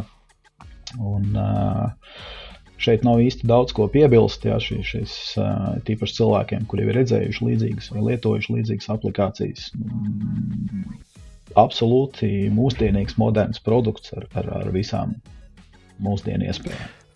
A, ko, ko mēs par tādā lietotnē vispār varam redzēt? Nu, pirmie, pirmais, kas man prātā nāk, tāda nu, labi uzlādes līmenis, piemēram, šiem akumulatoriem. Kaut kāds noteikti diagnostikas iespējas. Kas vēl, ko mēs varam pielāgot tur? Nu, mēs varam kaut vai mainīt darbības režīmus, ja mm. nepieciešams. Jā, tad, tad, bet, nu, jāsaka, lielākoties lietotnes ir, nu, ja tā parunā ar, ar cilvēkiem, kas varbūt kādu laiku jau ir, teiksim, saules sistēmu uzstādījuši, kā obligātu prasību prasījuši, lai būtu šī lietotne, Tad nu, tas ieskatīšanās biežums viņā viņš, sākumā liels. Izzūd. izzūd ja? jo, jo, jo viss šīs sistēmas darbojas automātiski. Skaidrs, ka ir ļoti ērti saņemt, saņemt kaut kādus avārijas paziņojumus, piemēram, ja? vai nu, tur, tur laika pa laikam ieskatīties. Bet Kehoā gadījumā šo statistiku var, var, var customizēt, ja, tad, ko mēs tieši vēlamies redzēt. Bet redzēt var absolūti visus tehniskos parametrus. Ja. Jautājums, vai mums to ļoti vajag. Ja, tāpēc uh, šo lietotni var nu, drusku pielāgot, ko mēs redzam kā pamata informāciju. Teiksim, atverot lietotni uzreiz pirmajā logā, un tad, tad, tad visu pārējo, jo mēs varam tur ložņāt pēc nepieciešamības. Vēl jautājums, mm, vai Keho gadījumā uh, te, šīs te sistēmas ierīces ir atvērtas tādā ziņā, ka no citām sistēmām mēs varam kaut kādā mērā pieslēgties un vismaz, nu, kā man prātā ir doma, piemēram, kaut kāda ierīce, labprāt gribētu zināt, ka, piemēram, oh, tūlītās beigsies elektrība un es labāk laicīgi sākšu izslēgties laukā. Nu, ja runājam analoģijās ar rubšiem, piemēram, vai Keho piedāvā šādu iespēju, kā nu, programmatūriskā līmenī sazināties ar šo akumulātoru sistēmu citām ierīcēm, citām sistēmām? Atvērta pieeja. Nu, teiksim tā, iespēja ir pieslēgties no, no ārējām sistēmām, saņemt informāciju, nodot informāciju ir, bet nu, šo, šo darbības loģiku, protams, kādam ir jāizveido. Jā, jo, um, ir grūti paredzēt visas iespējamās situācijas, ar, ar kādām citām sistēmām šo akumulātoru bloku mēs vēlamies savienot, kādu vēl ārējo informāciju mēs vēlamies dot šai sistēmai iekšā un, un, un ko tad viņam īsti būtu jādara. Tad šo, te, šo te loģiku kādam ir jāizveido, bet es teiktu, jā, ka var. Tas nav iPhone, kuram tu ne, nekā netiec klāt palielam. Kā tikai tā, kā izdomāja ražotājs. Okay. Labi, bet mēs te pieminam Keho, Keho, bet uh, kas tas vispār ir par zīmolu, no kurienes tas nāk un kāpēc Lucidus izvēlējās tieši sadarboties ar Keho? Ar ko viņi ir īpaši? Uh, nu, uh, tā uh, sanāca varbūt nedaudz, nedaudz kurjos, ka mēs meklējām invertoru ražotāju, kas nosaka pēc iespējas lielāku produktu klāstu. Uh, Jo ir ražotāji, kas nu, teiksim, specializējas uz uh, maisaimniecības uh, iekārtām, jā, tātad uz, uz, uz uh, nelielas jaudas instalācijām, un ir ražotāji, kas um, nu, ražo sistēmas lieliem parkiem. Un, mēs vēlējāmies sadarboties ar tādu ražotāju, nu, kur, kur, kuram būtu gan, gan. Un, uh, uh, nu, braukājot pa izstādēm, uh, sazinoties pēc tam ar šiem ražotājiem. Tad, tad, uh, vērtējot mājaslapas un, un, un arī, uh, protams, komunikāciju. Ja, tātad, cik atsaucīgs ir šis ražotājs? Nu, mēs nonācām pie Kehoa, un uh, tad, kad jau bijām saka, nodibinājuši pirmos kontaktus, tad uh, sapratām, jā, ka, tas, uh, ka šis Kehoa ir tas, tas pats, kurš ir uh, viens no lielākajiem uh, industriālu upšu ražotājiem pasaulē. Mm. Jo šajā, šajā nozarē viņus pazīst uh, jau ilgus gadus, un, un, un uh, kaut kas ir arī Latvijas tirgū bijis pieejams. Uh, un, un, un tā, tā ir viņu tā vēsturiskā pamata nodarbošanās. Un, un, un tieši no šiem industriālajiem upšiem, jā, tad, tad nu, varbūt paskaidrošu ups tautas valodā, tas ir nepārtrauktās barošanas avots. Jā, tad, tad, jā, tad skaties, kā gribi, tas pats akumulators vien sanāk. Ja, tad šo pieredzi viņi ir pārnesuši arī uz uh, invertoriem un, un uh, akumulātoru sistēmām priekš saules enerģijas.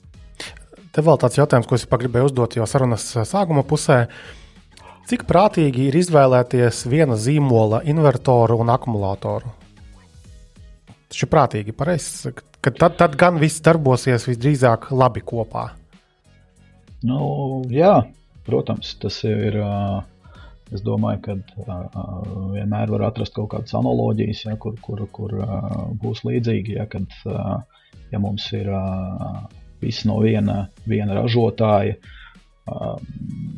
mums ir garantija no, saka, no vienām rokām, un mums īstenībā nu, nesanāks uh, šī spēle, kad, kad, kad uh, invertoru ražotājs teiks, ka tie akumulatori ir strūns un akumulatoru ražotājs uh, mēģinās novelt vainu uz uh, invertoru. Paši, paši atbild un paši arī palīdz teiksim, risināt kaut kāds jautājums. Keho... Un, protams, ir salāgošana. Tas, tas tik tiešām darbosies. Mums nebūs jālausa galva. Tā kā es iepriekš minēju, arī tad, ja mums ir nopirkts labs hibrīda invertors pirms pirkt akumulātoru bloku pēc kaut kādiem gadiem, mums tomēr ir jāiedziļinās. Šajā gadījumā, ja tas viss ir no viena ražotāja, nu, tad, tad tas jau ir salīdzinoši viegli un par to ir padomāts. Uh mhm. -huh. No kurienes nāk tas zīmols Keho? Ķīna.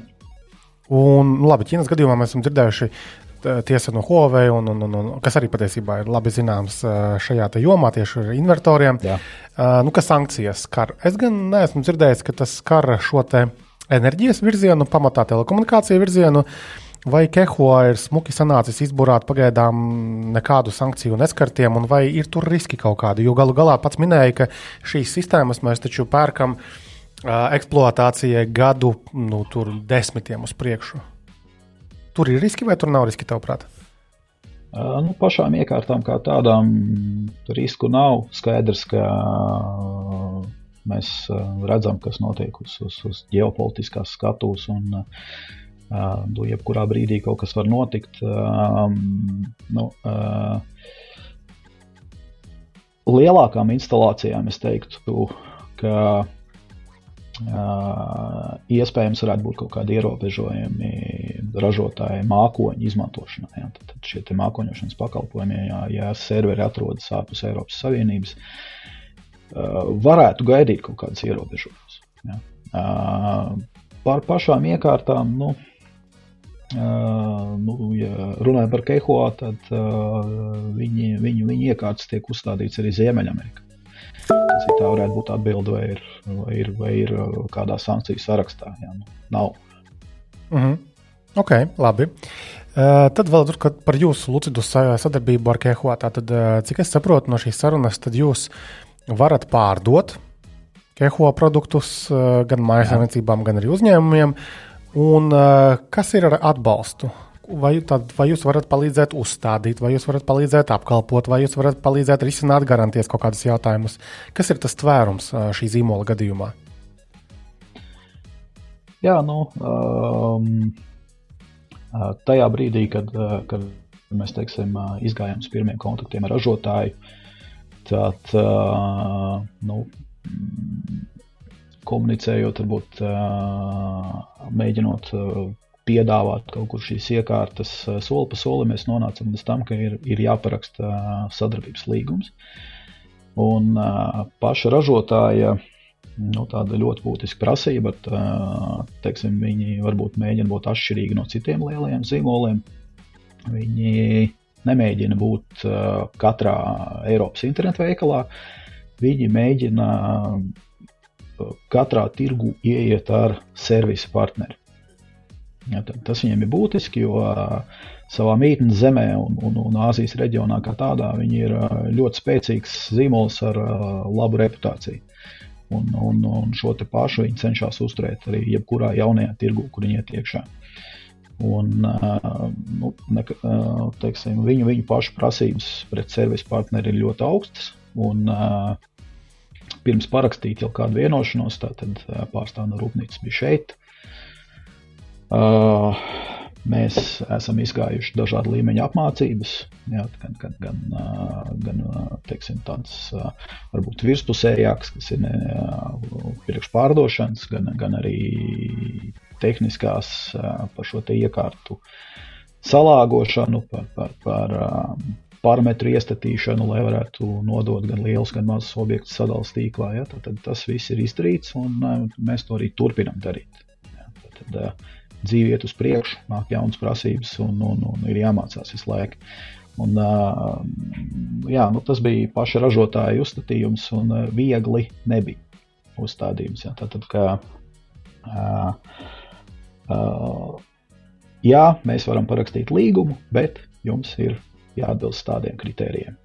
-hmm. nu, mūsu gadījumā mums ir, mums ir pašiem savs, uh, savu ražotni, kurā mēs ražojam elektrosadalnes. Uh, Un, un, un, uh, tas arī ir tāds labs arguments, kur viņi redz, jā, nu, ka mēs, mēs tik tiešām varam veikt kaut kādu iekārtu, arī, arī varbūt nelielu remontu, gan, gan, gan, gan uh, garantijas, gan pēcgarantijas. Tas ir mākslinieks svarīgs punkts, jo atkal uh, jums ir. Uh, šāda sistēma, uzliktas ierīces. Un, uh, mēs gluži nevaram bez elektrības dzīvot uh, ilgi, ja kaut kāda problēma notiek šajā mūsu nu, enerģijas sistēmā. Tāpēc, manuprāt, ir svarīgi, ka tiešām šis te, nu, garantijas uh, uzņēmums, garantijas partneris ir tepat kaut kur uz vietas, ka tev nav jāsūta tas invertors, piemēram, nezinu, kur viņi sūta uz Poliju, daudzu zīmolu gadījumā gan jau. Ka, Uh, un jāgaida kaut kādas centās dienas vai nedēļas. Nē, nu mēs šo polijas, šo polijas soli esam izlaiduši. Ja? Tas, tas varbūt ir uh, Eh, citiem zīmoliem, jā, nu, nu citam ir servis Polijā, citam Čehijā, nu, citam ir uh, tikai Vācija. Jā, nu, uh, mūsu gadījumā ir tā, ja mēs netiekam paši galā, jā, tad, tad uh, ir, ir, ir, protams, ir maiņas iekārta, jā, un uh, mēs savukārt sūtām uh, teiksim, remontējumu iekārtu uz Ķīnu. Mm -hmm. okay. uh, nu, manuprāt, ļoti interesanta saruna. Tad, uh, Paldies vēlos teikt eh, Mārim Mēnziņam, kas ir uzņēmumā Lucidus atjaunīgo energoresursu nodaļas vadītājs.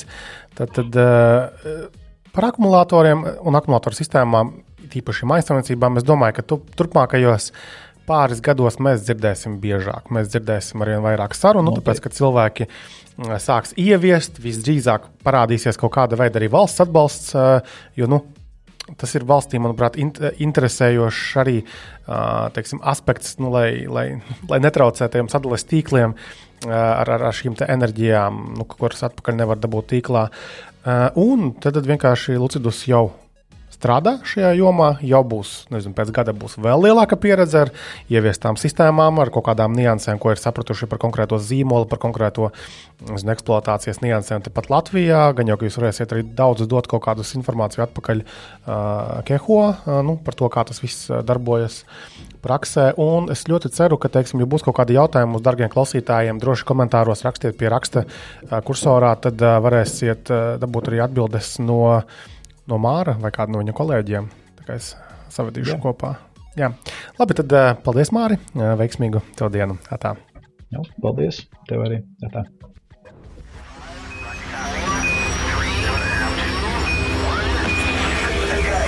Ko kursors tev neraksta? Regulārs tehnoloģiju podkāsts kopā ar Cursors LV.